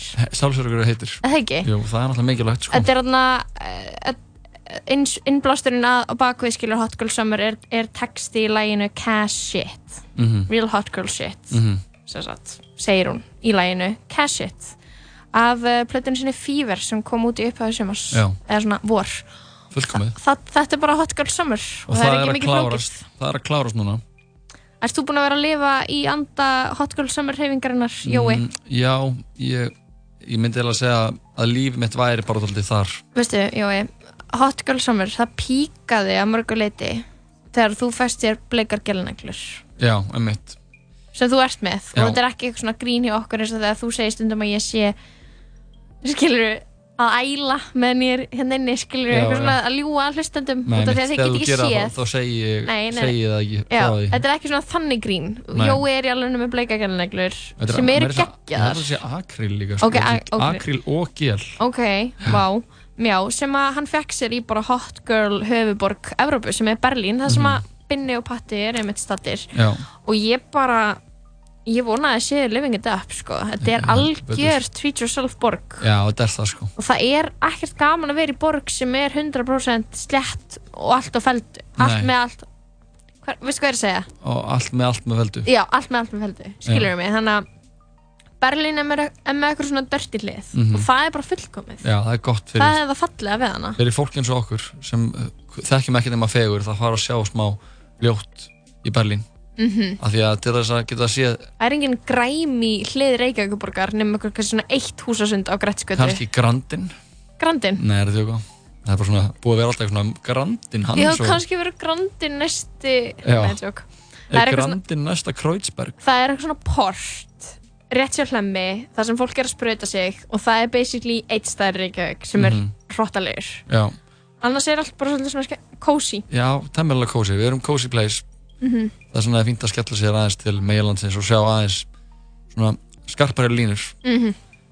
En Lóa Björk, nú er komið að því að við förum í næsta lið og uh, ég undirbjóð hann Þetta er Já. að sjálfsögðu uppáhaldsleikur okkar, Íslandinga Mhm. Hann ber hér innfalda heiti Hvort myndir þú frekar Mm. og uh, ég er búinn að undirbúa nokkra spurningar fyrir þig og uh, þetta hefur nú oft farið aðeins úr böndunum þessi leikir hjá okkur Já, hefur þetta farið úr böndunum? Já. Já, ég hef Og næst ég er að svona pissa á mig hérna. aðeins búinn að tóna þetta niður þannig að þú þurfur ekki að pissa í þig af því að það er Ætlum við að fara í ófindin hvort myndir frekar? Nei, með, ég, ég myndi þetta að vera frekar góður hvort myndir frekar Ok, uh, Fyrsta spurningin, hún er hvena, hvena, klassík. hvena bjóst þetta til?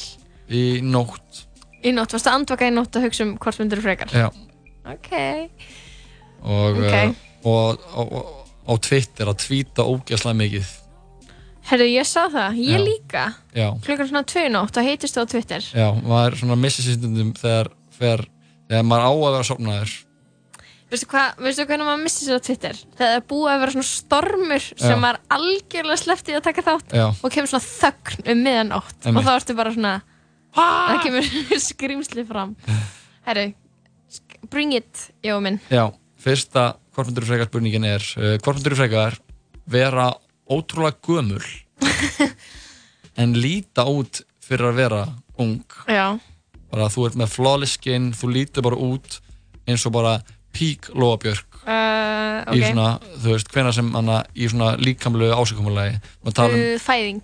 Nei, þú veist, en maður er bara svona, þú veist Heitastur. Já, svona Það er átján, ekki búið að 17, gerast. átján nei, en svona, en það er maður er á eitthvað svona há eh, ég held að það sé sko hana, hátindi frjósimis. Konur eru hátindi frjósimis þegar þeir eru bara eitthvað 17, 18 ára.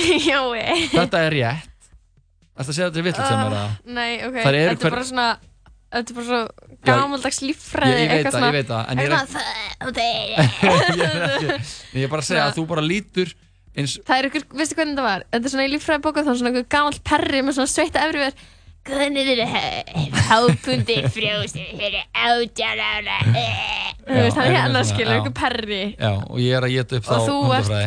ert þar, skilur Já, og þú ert, lítur þannig út Mhm. hvena sem það er Já, á þínu lífslöpi já, ok. en þú ert ung, Mhm, mhm. þú ert ekki gömul. Nei, nei, nei, bara yngri en 30 já, þú er, en þú ert gömul Innra með mér. Innan með mér, ekki endilega, en þú veist, jú í sálarlífinu en líka bara Líffærin. í líffærin. Já, þú ert bara líffræðilega eldgömul. Ok, ok, bara á sko, bara svona 97 ára. Bara li lifrin er farin, nýrun eru ónýtt, ristillin ónýtur, Já. lungun ónýtt þú pissar á þig Já, já, já, ok, ok, ok. Heilin ónýtur líka. Nei, hann er, hann er fungeráleg sko, en hann, Og líka mikið hennum með það já, en þú er farin að gleyma Ok. mitt allir miklu. En ógíslega heitt uh, ógæslega heit sko.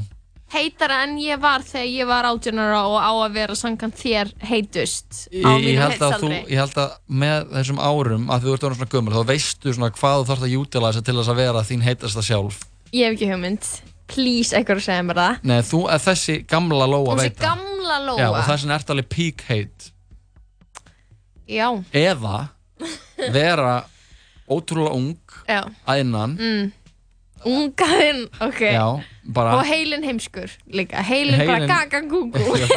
Eins og hann er á því núna bara ok, gaga En- gúgú. Já, en Mm. þitt svona líkamlega atgerfi er bara manninskju sem er bara 97 ára einhverja manninskju sem er bara alveg að fara að deyja bara þú ert alveg svona Mm. þannig að þú lí, annarkort lít út fyrir að vera ótrúlega ung en vera ótrúlega gömul eða vera ótrúlega gömul og lít út fyrir ótrúlega ung Mér finnst það bæði ótrúlega umlegi kostir. Skilur Nei, það fylgja, það eru kostir í þessu, það eru kostir eins og þú veist mjög mikið En er farin að gleyma. Já, Skilurðu? Já, en, en, en það, það er Uh, gamalt fólk gleymir meira það, me- það sko, skamtíma minnið skattast, ekki langtíma minnið Ég vil hvorugt. Ok, auðvitað. að svara ok, ég ætla að vera gömula innan, basically að deyja og fallega utan. Já, og þá þeirðu í rauninni ung Já, sem er geggjað. Já, Já, þá er komið svarið því ég kom með svarið því, ég bara, ég vil ekki vera með eitthvað barnalíffæri og eitthvað barnatennur, skilur Já. og eitthvað heimsk, eitthvað gaga-gúgú, skilur Nei, þú er ekki, bar, ekki smábar, þú ert bara eins og þú varst þegar þú varst En 18 ára hvernig gæti ég, nú veist þú Já. hvað, o- vi- hvernig við sem samfélag komum fram við gamla konur Aha. Af hverju ætti ég að vilja vera með 26 ára heila í líkama nýræðar kon, ný, svona, ný, konu um nýrætt? 18 ára heila. Hvað ætti ég að manipulata fólk og til að ég geti verið gett cool ég er einu svona það cool á Instagram? Ég geti verið eitthvað svona nýræð og verið eitthvað hæ hæ í story hæ hvað segið þið? Ég er að fá með náttúruvín. Já, skilur þið það? geti ég nýtt mér það Þú þannig gæti nýtt þér það bara með að vera eiga eitthvað Ó, sérstöðu hún er nýræð, hún er alltaf að gera pól í Instastory. Allir eitthvað, ég en sætt. Já, alltaf að Ég klifra gert en bara það. Já, þú getur samt ekki klifra mikið að þú ert svo gömul. Og bara kli, í klifra svona bara brotnar putti á þér.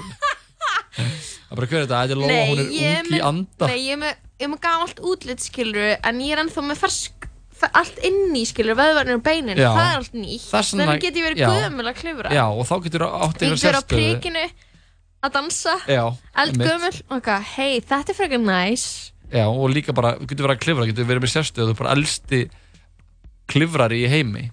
Ok. og gert svona vídeo þar sem þú fær Ok, ég er bara ákvað, ég ætla að vera eldgömmul gæla sem er með pól, alltaf að gera pól í story á Insta. Það eru komið með það? Já, og uh, þá fyrir við næsta korpundur frekar. Þetta fer svona smá stigmagnandi í hvað þetta er íkt.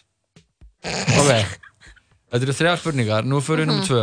Korpundur frekar vera ógæslega veik alltaf, bara svona, þau bara líður bara eins og sett bara svona, svona aðframkomin að hita og ert bara, þú veist, líður bara, alltaf svona ótrúlega flöst og bara með hita og nefnverðinsli og, nei ekki nefnverðinsli, af því að það, af því að þú lítur út fyrir að vera mjög frísk. Eða að vera bara in perfect health en líta alltaf út eins og þú sérst bara Að aðfram komum já, að veikindum já. Ok, ok. Þú getur velt þessu fyrir þér, hvað er svona Anna, þú, ert, uh, Þetta er líka ömulegt þú ert ótrúlega frísk en þú ert Anna, Þetta dót sem þú ert að hugsa maður og þú fyrir að sofa á kvöldinu já, Það er svo mikið sóun á fínasta heila Þú ert bara með Þú ert bara með allt í lagi heila sem getur bara að hugsa frekar góða pælingar já en þú ert bara Hvern myndur þú heldur? Uh, eitthvað Ok, byrju, Jói, ég ætla að svara þessu. Ég ætla að segja að ég líti ógeðslega út en líði gett vel Hver eru kostinir við það? Ég myndi bara mála mig og mér myndi líða vel Þú Ég myndi mynd- bara mála mig ógeðslega mikið Já, þú, það, Myndi setja þú á mig myndir ekki geta grímu. málað yfir þetta Það verður bara stór sólgleru og hattur Þú og værir bara líða með geðið vel. Ótrúlega mikið nefnverðinsli Nei, þú mættir ekki verið að reyna að hylja þig. Þú væri bara með ógeðslega mikið nefnverðinsli og, en þú væri svona, þið lið, myndir líða ótrúlega vel, þú væri svona, alveg svona við hest helsu, er líða bara svona eins, eins vel og áir Ég kosið. vel það, ég vel það. Já. Ég, ég vil lifa vel. En við erum sama með móti ógeðslega líði svona út gráa eins og bauga, ég þú sé ert grá í ógeð. framann Já, mitt. Og með hór og, Mhm. og svona það svona vellur alls konar úr þér Ég, er búin að ákveða mig. Ég vil ekki, vil ekki líða ógeðslega illa og vera ógeðslega sæt. Paldi hvað ég verið leiðileg þá. Eða þú veist, ég væri gett fersk og hún var alltaf eitthvað Byrði, Lóa lítur ágætlega út En hún er alltaf fucking skilur buguð á því. Mhm. Það, þú veist, ég vil frekar bara vera alltaf full of surprises bara er Lóa ekki búin að vera fucking veik í sex ár. Herru, jú, en hún var líka samt að fara upp á Everest, Já, já, skilur, einmitt. þannig að þú veist, það er eitthvað. Mhm. þannig að ég er alveg þar, sko. Ef að heyra eitt laga Já, það er síðasta er það síðasta? það er síðasta, já. Ok, Ok, hvort myndir þú frekar að þér sko blætti alltaf út um öll göt á líkamannum bara allan daginn en þú hlitir engan skada af? Lóa, ég er að hlusta þig. Já ég er að hlusta. Eða að þú uh, sko, að það væri, það væri öfugt, þú væri með sko massífar innvortisblæðingar en þú myndir líta svo vel út alltaf. Þú er alltaf bara, það, fólk, þú myndir lappin í öll herbyggju og fólk verður bara oh my god, hvaða gælla er þetta? Og síðan myndir þú ofan á það syngja eins og engill. Og hann það bara að syngja ógislega vel. Myndir syngja ótrúlega vel. En ég væri með innvortisblæðingar þú er alltaf bara, bara, bara að drepast. Úr innvortisblæðingar hefur þú fengið innvortisblæðingar að uh, nei, en þú? Nei, ég veit ekkert hvernig tilfinning það er. Nei, þetta er alveg bara svona, hm, hvernig er það, skilur ég veit það ekki. Ok, frekar heldur en hefur þú brotið, brotið bein eða? já, en það var ógislega langt síðan 20 ár síðan. Að þú, þið myndir bara líða eins og bara Anna, í hverju skrifi var að brjóta nýtt bein eins og Mr. Glass í Unbreakable Ó, það er ógeðslega vond Já. Ég vil það ekki Ég vil líta út En Ég vil láta líta blæða svo vel út mm, Þú væri bara, fólk myndir bara þú myndir bara glóa, þú myndir lappin í herbyggju og fólk væri bara, Jói. oh my god Jó, ég vil hver er þetta? Ég veit, þessi þú gæla þekkir mig ekki nú vel þessi gæla Þú þekkir mig ekki, sko þessi gæla, hún má Hún eiga allt er- sem ég á. Vá, æði. svo En ég væri svo bara syngur hún eins og "Ah." engill. Þú myndir koma inn og vera bara "Vá!" og fólk verður bara "Vá, Og ég væri er-" bara að deyja úr sársöka já, bara stígu bara nýri hæri og, bara, og, og það bara kemur bara og að vera að kristla saman svona plastglas.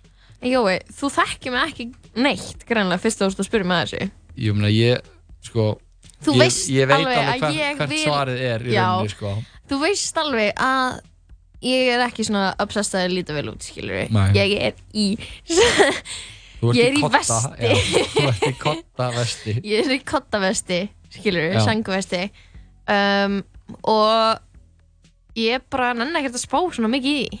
En sko það væri, þeir myndi bl blæða út um öll göt á líkamannum og það væri ótrúlega vond Ég myndi samt vilja Nei, maður, ok, ég, anna og þú væri en- geggjöð að hlusta á fólk Ég var til og... hvað ég var til í? Ég var til í að líta ógislega vel út, Já. vera við hestahilsu, Mhm. en alltaf var alltaf blæðandi út um nefið og Bara auðun og eirun Já, og munn. já, og rassin og Ég væri píkuna bara, ég geti gert svona, geti eitthvað sýningar. Það er uppist að Já, en þú væri bara þurfti sem, þú þurfti sem ég að standa þú þurftir sem ég að standa ofan í baðkari það blæði svo mikið mm, bara hvernig degi. Já, það væri bara allt En mér myndi líða vel. En mér myndi líða vel. Þú þurftir að vinda Það er fyrir öllu.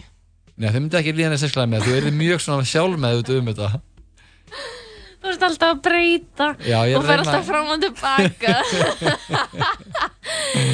og þú ert svo rugglar ég mátti ekki koma með neitt hvort að heldur fyrir þig. Jú, mena, gerðu það. Ha? Hlustum á eitt lag og síðan kemur þú með fyrir mig. Eða ekki? Ertu með? já ég er með eitt eftir þetta lag. Já, við viljum tjekka á uh, þetta nýjasta plata Breska. Hann er fættist í París, í Breitlandi Þetta er uh, rappari sem heitir Octavian. Platan hans Endorphins kom út fyrir hvað? Já, fyrir sumar. Gækju plata. Sem hlusta á annar lag að þessu plötu, þetta er King Essay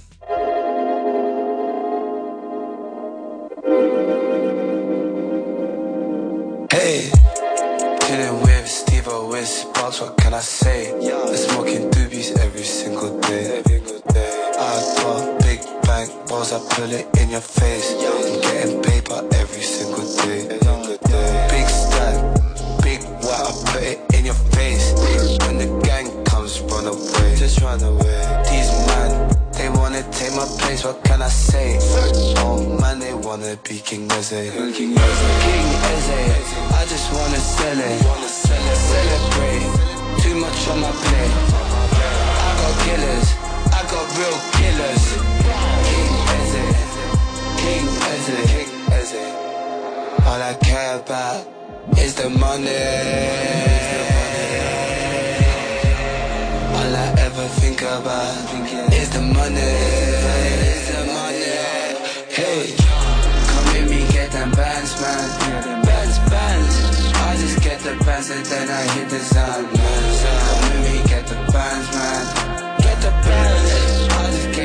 The then I hit the weed, man. I just wanna sell it. Celebrate.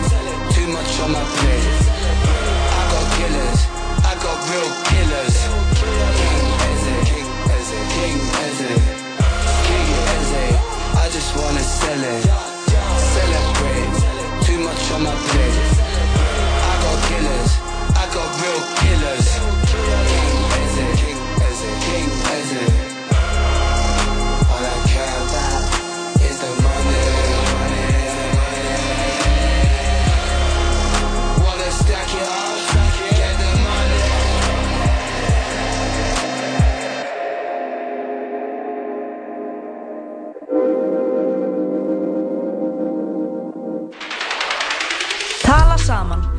Virka daga, millir fjögur og sex. Í bóði Dominos og Once Upon a Time in Hollywood. Frumsýnd 14. ágúst. Hefur ekkert tíma pælt í að brunch er bara breakfast og lunch blanda saman? Brunch, allar helgar frá föstu degi til sunnudags. Skál, hlemur matöll. Láttu það eftir þér að líða vel. Serrano. Fresh, happy, max. Þú getur hlusta á alla þættina af Tala saman á Spotify. Jújú, jú, það getur þú svo sannilega gert allir þættinir af uh, tala saman og aðgengilegir á Spotify Og podcast-appinu. og podcast Ábúrlega ekki. Jú, ég held það, allan á Mhm. Spotify Mhm. Jú, það ætti að vera á podcast-appinu líka. En ég, við erum að halda áfram með hvort myndir heldur uh, uppbólsleik minn og Jóhanns Kristoffers. Við og allra Íslandinga 100%. Ég, þú varst að láta mig fá þarna virkilega erfiða valkosti. Ég ákvað, ég ákvað að henda einu léttu hvort myndir frekar í þig. Ok, Þú tilbúin eða? ég er alltaf tilbúin fyrir Ok. hennar leik Uh, ný, ný kurtesis venja hefur verið tekin upp á Íslandi. Mhm. Uh, hún er svo að í staðan fyrir að knúsast eða takast í hendur þegar þú hittir eitthvað, mm -hmm. þarf Mhm. að sleika hann um andlitið. Mhm. Nema, uh, nú erst þú að velja. Hvort myndir heldur að alltaf vera sleiktur í andlitinu þegar þú hittir eitthvað í fyrsta skipti eða þú ert alltaf að sleika andlitið á þeim? Uh, hmm. Þetta er ágætis pæling. Það ekki? Jú, sko. Þessum spurningar eða? mm, Nei, ég fara, ég er frekar með vangaveltur. Mm Það er er náttúrulega smá ógislegt að uh, sleika eitthvað sem er ógislega bólugræðin og hugsalega með Eh, Já, eitthvað svona matalegar eða eitthvað? Já, matalegar og kannski skeggbrota, það er, kláða svona bólur og eitthvað, já, skeggbrotanir þeir eru sko, hrjúfir. þeir eru skárri held ég heldur en bein húð. Hæ? já. Að því leiti að uh, þeir eru svona smá vörn fyrir andlitið. Ok, ég held að það sé líka eðli skeggs. Skegg, að verja andlitið. já, Já, en ekki frá tung, eða þú veist ekki, hún er ekki að verja tunguna frá skinninu, skilur hún að verna, þú veist, það er eitthvað drasl í skegginu, sko, það er bara eitthvað mataleifar og eitthvað dót. ef, ef að tala með eitthvað sem er svona svona þykkt skegg sem fer niður á hökunni en Já, þú þú þarf að þarfst sleika að sleika það. meðfram og upp á kinn, skilur já, þannig ég þarf að sleika ekki, alveg, ekki neðst á skegginu bara, það er bara að sleika frá höku upp, í, upp, upp á auga. upp á auga ekki ennið Uh, nei, ekki ennið. ok, það er strax skára Mm Og þetta er, er svæði á milli hökunar og augan sem þú ekki að sleika. já, Mhm. og, en ég þarf ekki að sleika augað sjálft Um, nei, þú veist Ok. ekki gera það. nei Nei. uh, ok, það er náttúrulega það sem er helst helstu svona uh, svona gallarni við þetta er náttúrulega að þurfa að innbyrða alla síklana sem fólk er með framan í sér Jöp, það ógæslegt. og húðfituna Mm, bólunar. já, og uh, ef fólk er kannski með eitthvað ógæslegan sjúkdóm Við skulum passa okkur hérna já, já, að segja ógíslegi sjúkdómar já og með eitthvað. eitthvað, eitthvað svona hætturaðan sjúkdóm Mhm. þá er ég að tala um það sko eitthvað svona- Smitandi sjúkdóm, smitandi skilurðu? sjúkdóm, Já, já, já, já. og uh, já, ef ma- ef maður ætlar að sleikja eitthvað, eitthvað svona eitthvað síkt andlit þá Mhm. er það getur það náttúrulega koma mann í koll Mm, já, það geti haft uh, virkilega slemar aflengar í för með sér. já Mhm. uh, síðan er það hitt Mhm. að uh, maður sé sleiktur í framann Já. uh, tungan er frekar hrein Nei, hún er það ekki. Það er eitthvað sem þú heldur út í að tungan á hundum er hrein eða eitthvað. Tungan á mönnum er bara frekar dörsti, sko. er það? Já, það er alltaf verið að segja núna, núna segja nýjustu fréttir að, að það sé mjög mikilvægt að skafa tunguna sína. Skilur þau? að skafa tunguna Já, út af því að þú veist, þegar þú fyrir að sofa Já. og byrst á tennar, hún skilur eftir alla síklana á tungunni. hvað síkla?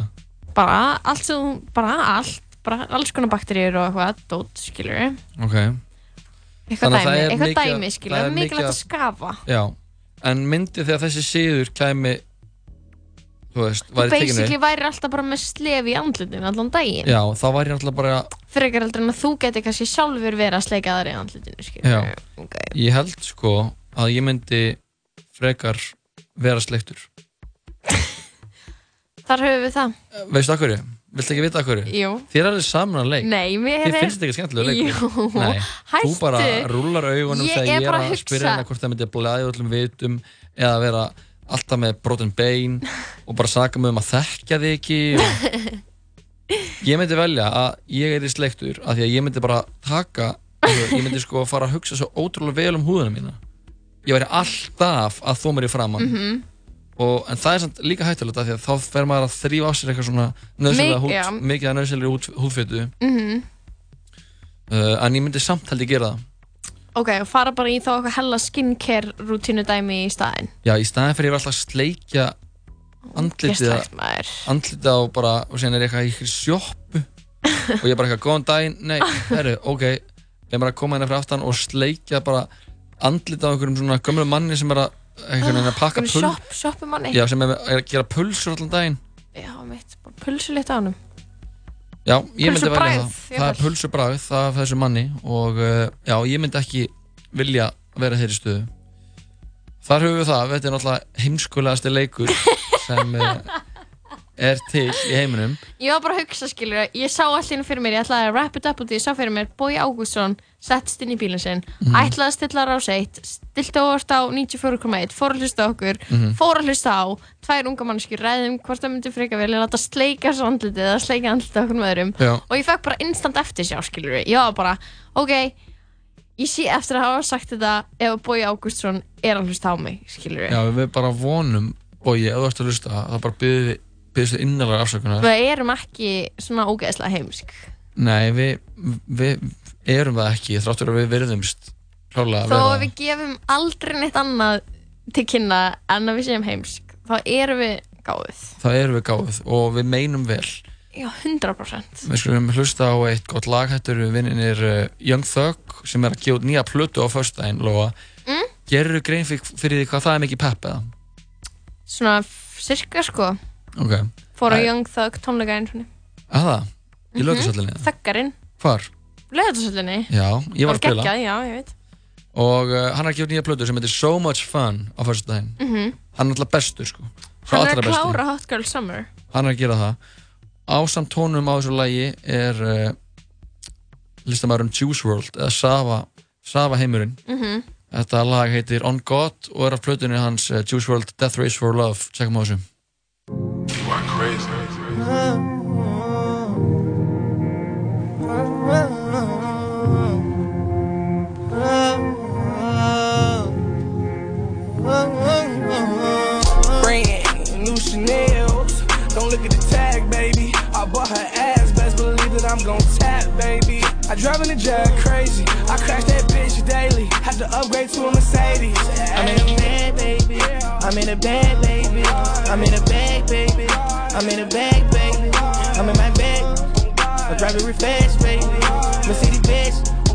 I'm in my bag, baby. I'm a first class, baby. You in last, baby. I'm in the 90s, baby. But I cooked that shit from the 80s. Hard top Mercedes. I'm running the drop Mercedes. Fuck all your ops on save. Just let the AK re-range. Fuck on the op nigga bitch on the daily. Uh, ball on the bitch Tracy McGrady. Uh, go bees up for the brazies. Uh, I put the cane crazy. Uh, I went no limit dance on the daily. Uh, that chopper turn like pages. Uh, headshot leave your face looking crazy. Uh, but I said crab me brazen. Uh, I got more guys with ladies. We bout to show who the best is. I need an ambulance up in the nosebleed. I designed a little body, she a trophy. And she do it the same and say, I'm about to buy her the all state. I'ma fill up this bitch with some more shit. This bitch, you a Barbie. Brand new Chanel's. Don't look at the tag, baby. I bought her ass, believe that I'm gon' tap, baby. I drive in the jag crazy. I crash that bitch daily. Had to upgrade to a Mercedes. I'm in a bad, baby. I'm in a bad, baby. I'm in a bag, baby. I'm in a bag, baby. I'm in my drive it real fast, baby. Mercedes bitch. I'm in my bag, baby. I'm not God, baby. I don't forgive, baby. My niggas in your crib, baby. They go real brazy. I'ma pull up in the latest. Matte black, you know that I painted it. New millennium, toting the stainless. Got a red beam for long range. I got savage ways. I got Betty babes. I got Beetle twigs. All on bringing big. Yeah. The way that you lie to me is too frugal. No magazine, she'll fade away. I'm in Japan with the Asian persuade. Bitches from the Himalayas bringing me baby. Gucci rolls like Masons, fuck her in the bathing ape apron. My bitch foreign, I don't know where she from. I ain't trying to be rich. On four niggas, I'm racist. Uh. My dick sucked by, so take her off. I told her I just want the top. Your clothes don't even take it off. I'm Paul Walker when I'm taking off. I'm fast and furious on you, ho. Like you broke ass niggas, I actually achieved my goal. I'm about to ride. I had her name in my tats. I'm lit up the hill of the skies. I get fed up after running rides. Yeah, I got it tried. I done pulled a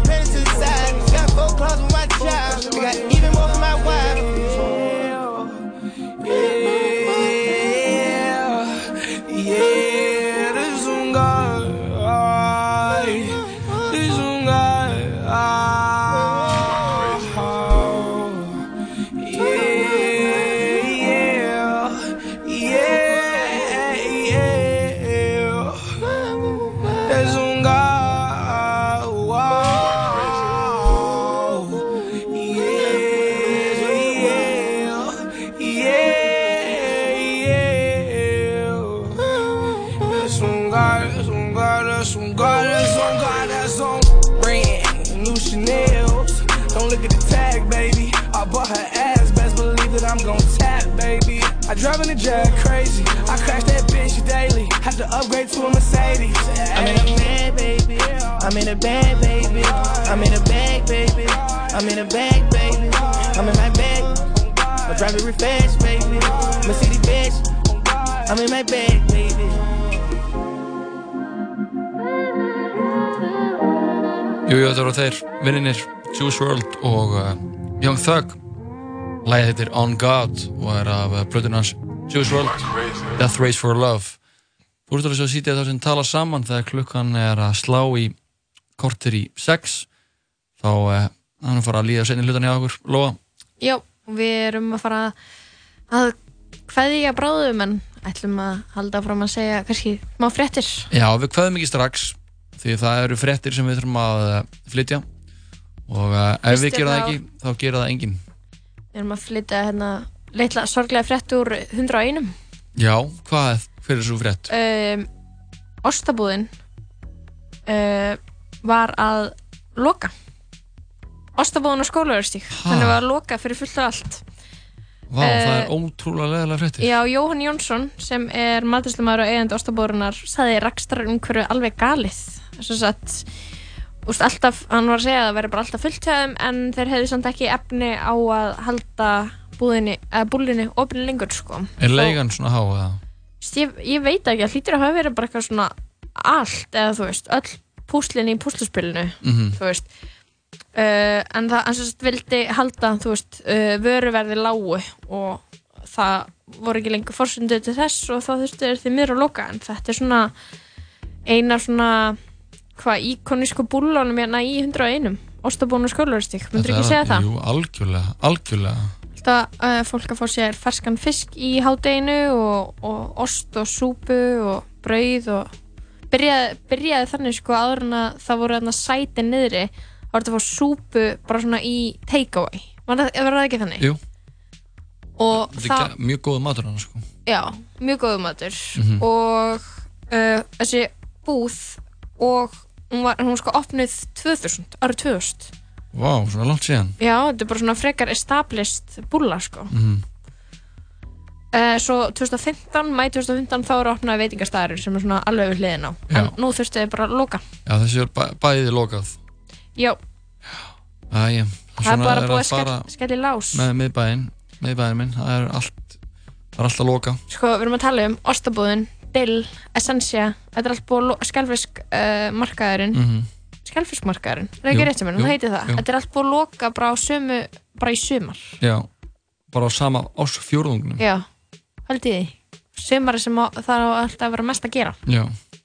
Hot Girl Summer. Já, Greinlega að fara meira svona, meira svona loka veitingastöðum sumar Já. Broke Restaurant Summer. Já. Það er greinlega eitthvað. Hot Girl Summer, þú veist, þið þurfa að fara meira út að borða ef þetta á að ganga Án gríns. Herru, Þið- það eru fleiri fréttir. Já. Og þær eru náttúrulega misgóðar, sko. Uh, einn stærsta frétt núna bara dagsins í dag og síðustu daga er náttúrulega dauði uh, Jeffrey Epstein. bara nýjingsins uh, Jeffrey Epstein. Já, barnaneyðingur og milljaramæðingur viðskiptagjöfur. Já, viðskiptagjöfur, milljaramæðingur og það kom náttúrulega ljós fyrir einhverjum nokkur mánuðum að hann uh, var búinn að vera að stunda að mannsal mm og með eitthvað uh, svona barnavændisring já, Mhm.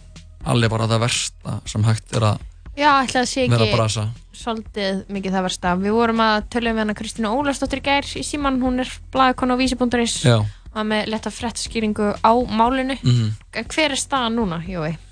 uh, núna hann er látin Já. og uh, fólk er mjög ósátt með það sérstaklega sko að þeir sem uh, á, voru að kæra eða svona fólk sem hafa búið að brjóta á sem Mhm.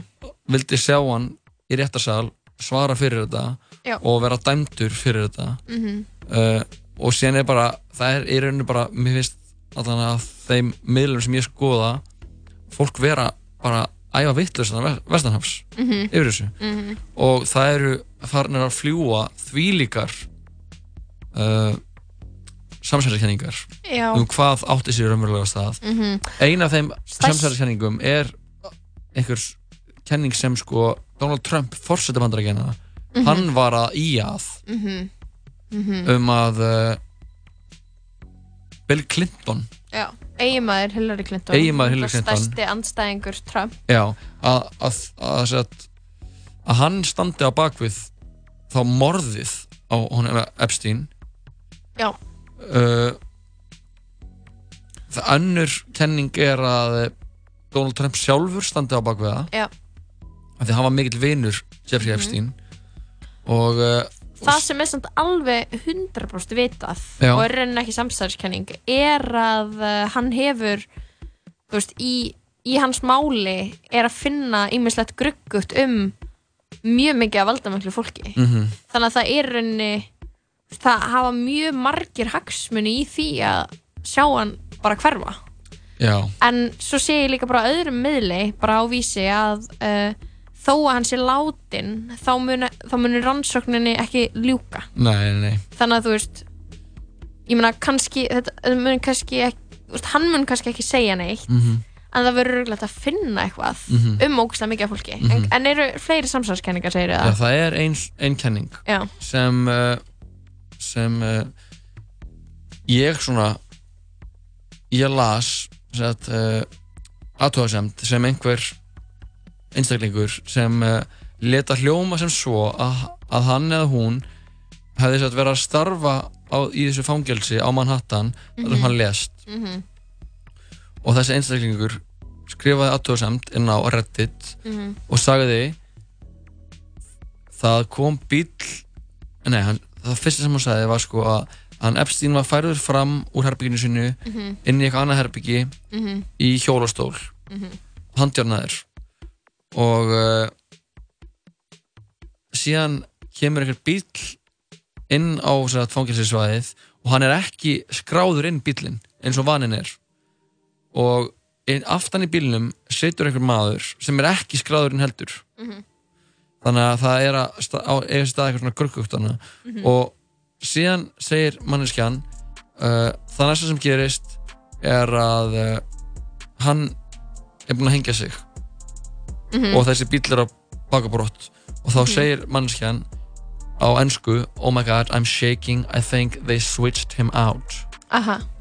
og uh, heldur því fram að sé búið að skipta manninum út og hafði verið látið, látið annað líkana í Mhm. Mhm. Þannig að hann er annar einstaklingur og sko uh, indie hljómsveitin Foster the People, kannastu við hana? Mhm. Já þau voru að tjá sig um þetta á Twitter reikninginum sínum. Ok, og, uh, áhugavert. og þau tvíta hérna Have you seen, ja, hafið þið séð myndir af líkinu? Þetta er greinilega ekki hann.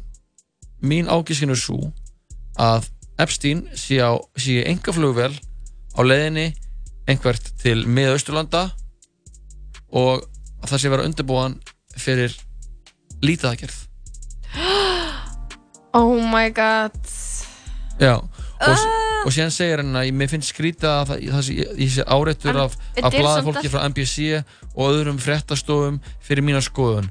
Allir sem eru búin að vera fjallum þetta anna, Foster the people, sem já. sagt. En mér finnst mér að, ok Verður samt að hafa hreinu að bara, þú veist, það er ekki sönnunagögn Þú veist, það er engin sönnunagögn sem einhvern veginn staðfesta þetta. Þetta er bara svona sem fólk getur gert sér í hugalund að hafi gerst Þú veist, við erum ennþá alveg þar mhm, já Þú veist, við erum ekki að segja hérna eitthvað í útvarpinu að, þú veist, hans Þú veist. hann sé á lífi Nei, ég, ég, ég Lóa, við erum Mm. á þeim stað Mhm. í heiminum Mhm. við, er- erum in the simulation eins og ég segja Mhm. Donald Trump er fórsetið bandaríkina Mhm. og uh, það er bara allt hægt ég get bara trúa hverju sem er eiginlega þess að dana Mhm. Foster tweet people tweeta meira hérna, ég ætla að lesa þetta á ennsku The problem with a case like this is that the public will forget it, forget, about, forget about it in a week. Media will change headlines to another story and stop covering it. They already have and it will be easily swept under the rug. Just like the Stephen Paddock mass shooting. Sem segir hann there is no question the government behind the Epstein suicide cover-up research Attorney General Bill Barr and his father and, and his father's ties with Jeffrey Epstein. Barr helped broker the West Palm Beach deal that kept Epstein away from a life in prison. Hann Já, er bara að segja sem var hérna í Flórida þegar að það átti fyrst að þú veist, þegar þau gerðu fyrst samningin fyrst- já, það kom fyrst í ljós. Mhm. algjörlega. Það er náttúrulega uh, eitthvað það er bara eitthvað skrítið búið að gerast. Það er eitthvað gruggugt það er anna, það Við er ætlum snákur að- í stígvélinu. Já, 100% og við erum kannski ekki mestu svona frétta sérfræðingarnir til þess að taka neina álættanir en við það höldum öllum hurðum opnum. Og við lokum ekki fyrir neitt. Ok, þetta er búið að vera rosalega þáttur. Við fengum Dóri Júli til okkar, hún sagði okkur frá mm. Podcastinu sínu, Mhm. Radio Set Dóra sem er hann að fara að þrýta þessi þátturinn í loftið hjá okkur á 50 daginn já, hún verður með Helgu sýsti sinni í nýjasta Já, þættinum ég fíla svona að hafa svona fjölskyldu. Já, Helga Margrét er líka bara að drolla. Já, og það er bara komin tími til að heyrist í henni í þessum þætti sko. Heldur hún er byrjuð að vera með karokið á sætasvíninu Mhm. meðan Þórun Antonija er í batnægnarleifi einmitt, þannig að það er það er sístra fjör út um allan bæ sko hjá þeim tveim. Og það er bara klassíska dæmi Dóri Júlía með viðtal og svo DJ sett eftir á núna 15 skvöldi og og að geggja að fá henni viðtal hún hjálpa okkur að lesa vandamál. Mhm. tvö vandamál hlustanda það voru bæði uh, eitt var mjög skrítið. Eitt var mjög skrítið. Get og algjörlega skilur við bara staðfest það, það var doldið skrítið. En uh, síðan uh, fengum við eða hringdu við öllu heldur í, eh, til Berlinar, til meðlandsins Í jammaran okkar. Jamarun okkar Binna Glí og Patrik Hæme sem eru í fríi á meðlandinu og fengum svona smá bara status update á þeim. Og uh, svo fórum við upp á leik allar landsmanna hvort myndir heldur eða hvort myndir frekar. Og fórum svo við fréttir. Við verum að sjálfsögðu aftur hér á uh, sama tíma á morgun. Lóa, við verum saman þá. Já, við verum hérna með stút fullan miðgudags þátt uh, nokkra gesti og uh, menningar umfyllin eins Já. og okkur finnst gaman að gera eins og engum öðrum er lagið. Nei, við ætlum að enda þetta á uh, honum Roddy Rich lagið heitir Die Young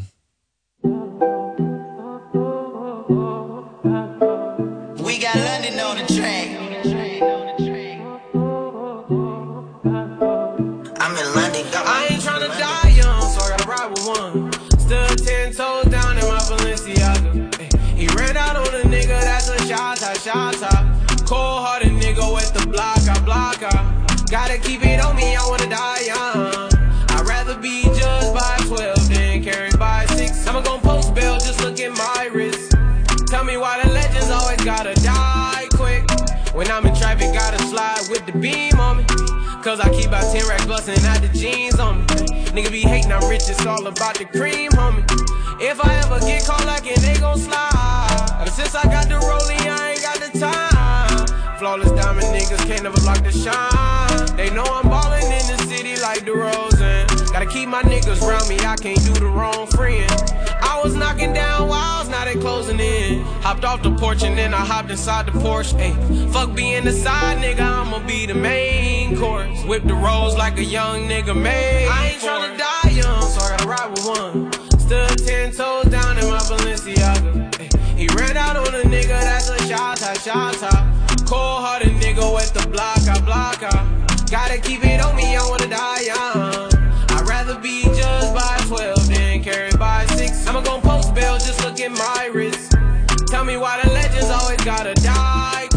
Tryna get my bag, I had to go and make it happen. Me and my dogs, we was buzzing out them bandos. Count out them hundreds, then we throw it in the mattress. Wrap it in plastic and throw it in the attic.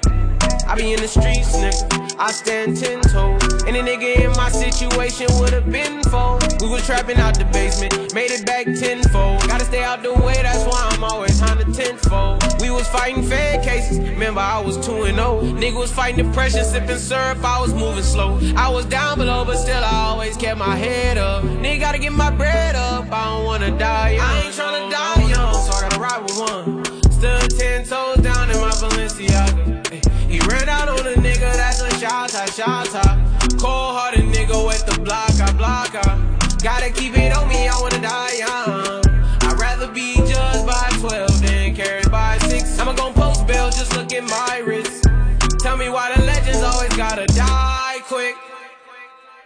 Útvarp 101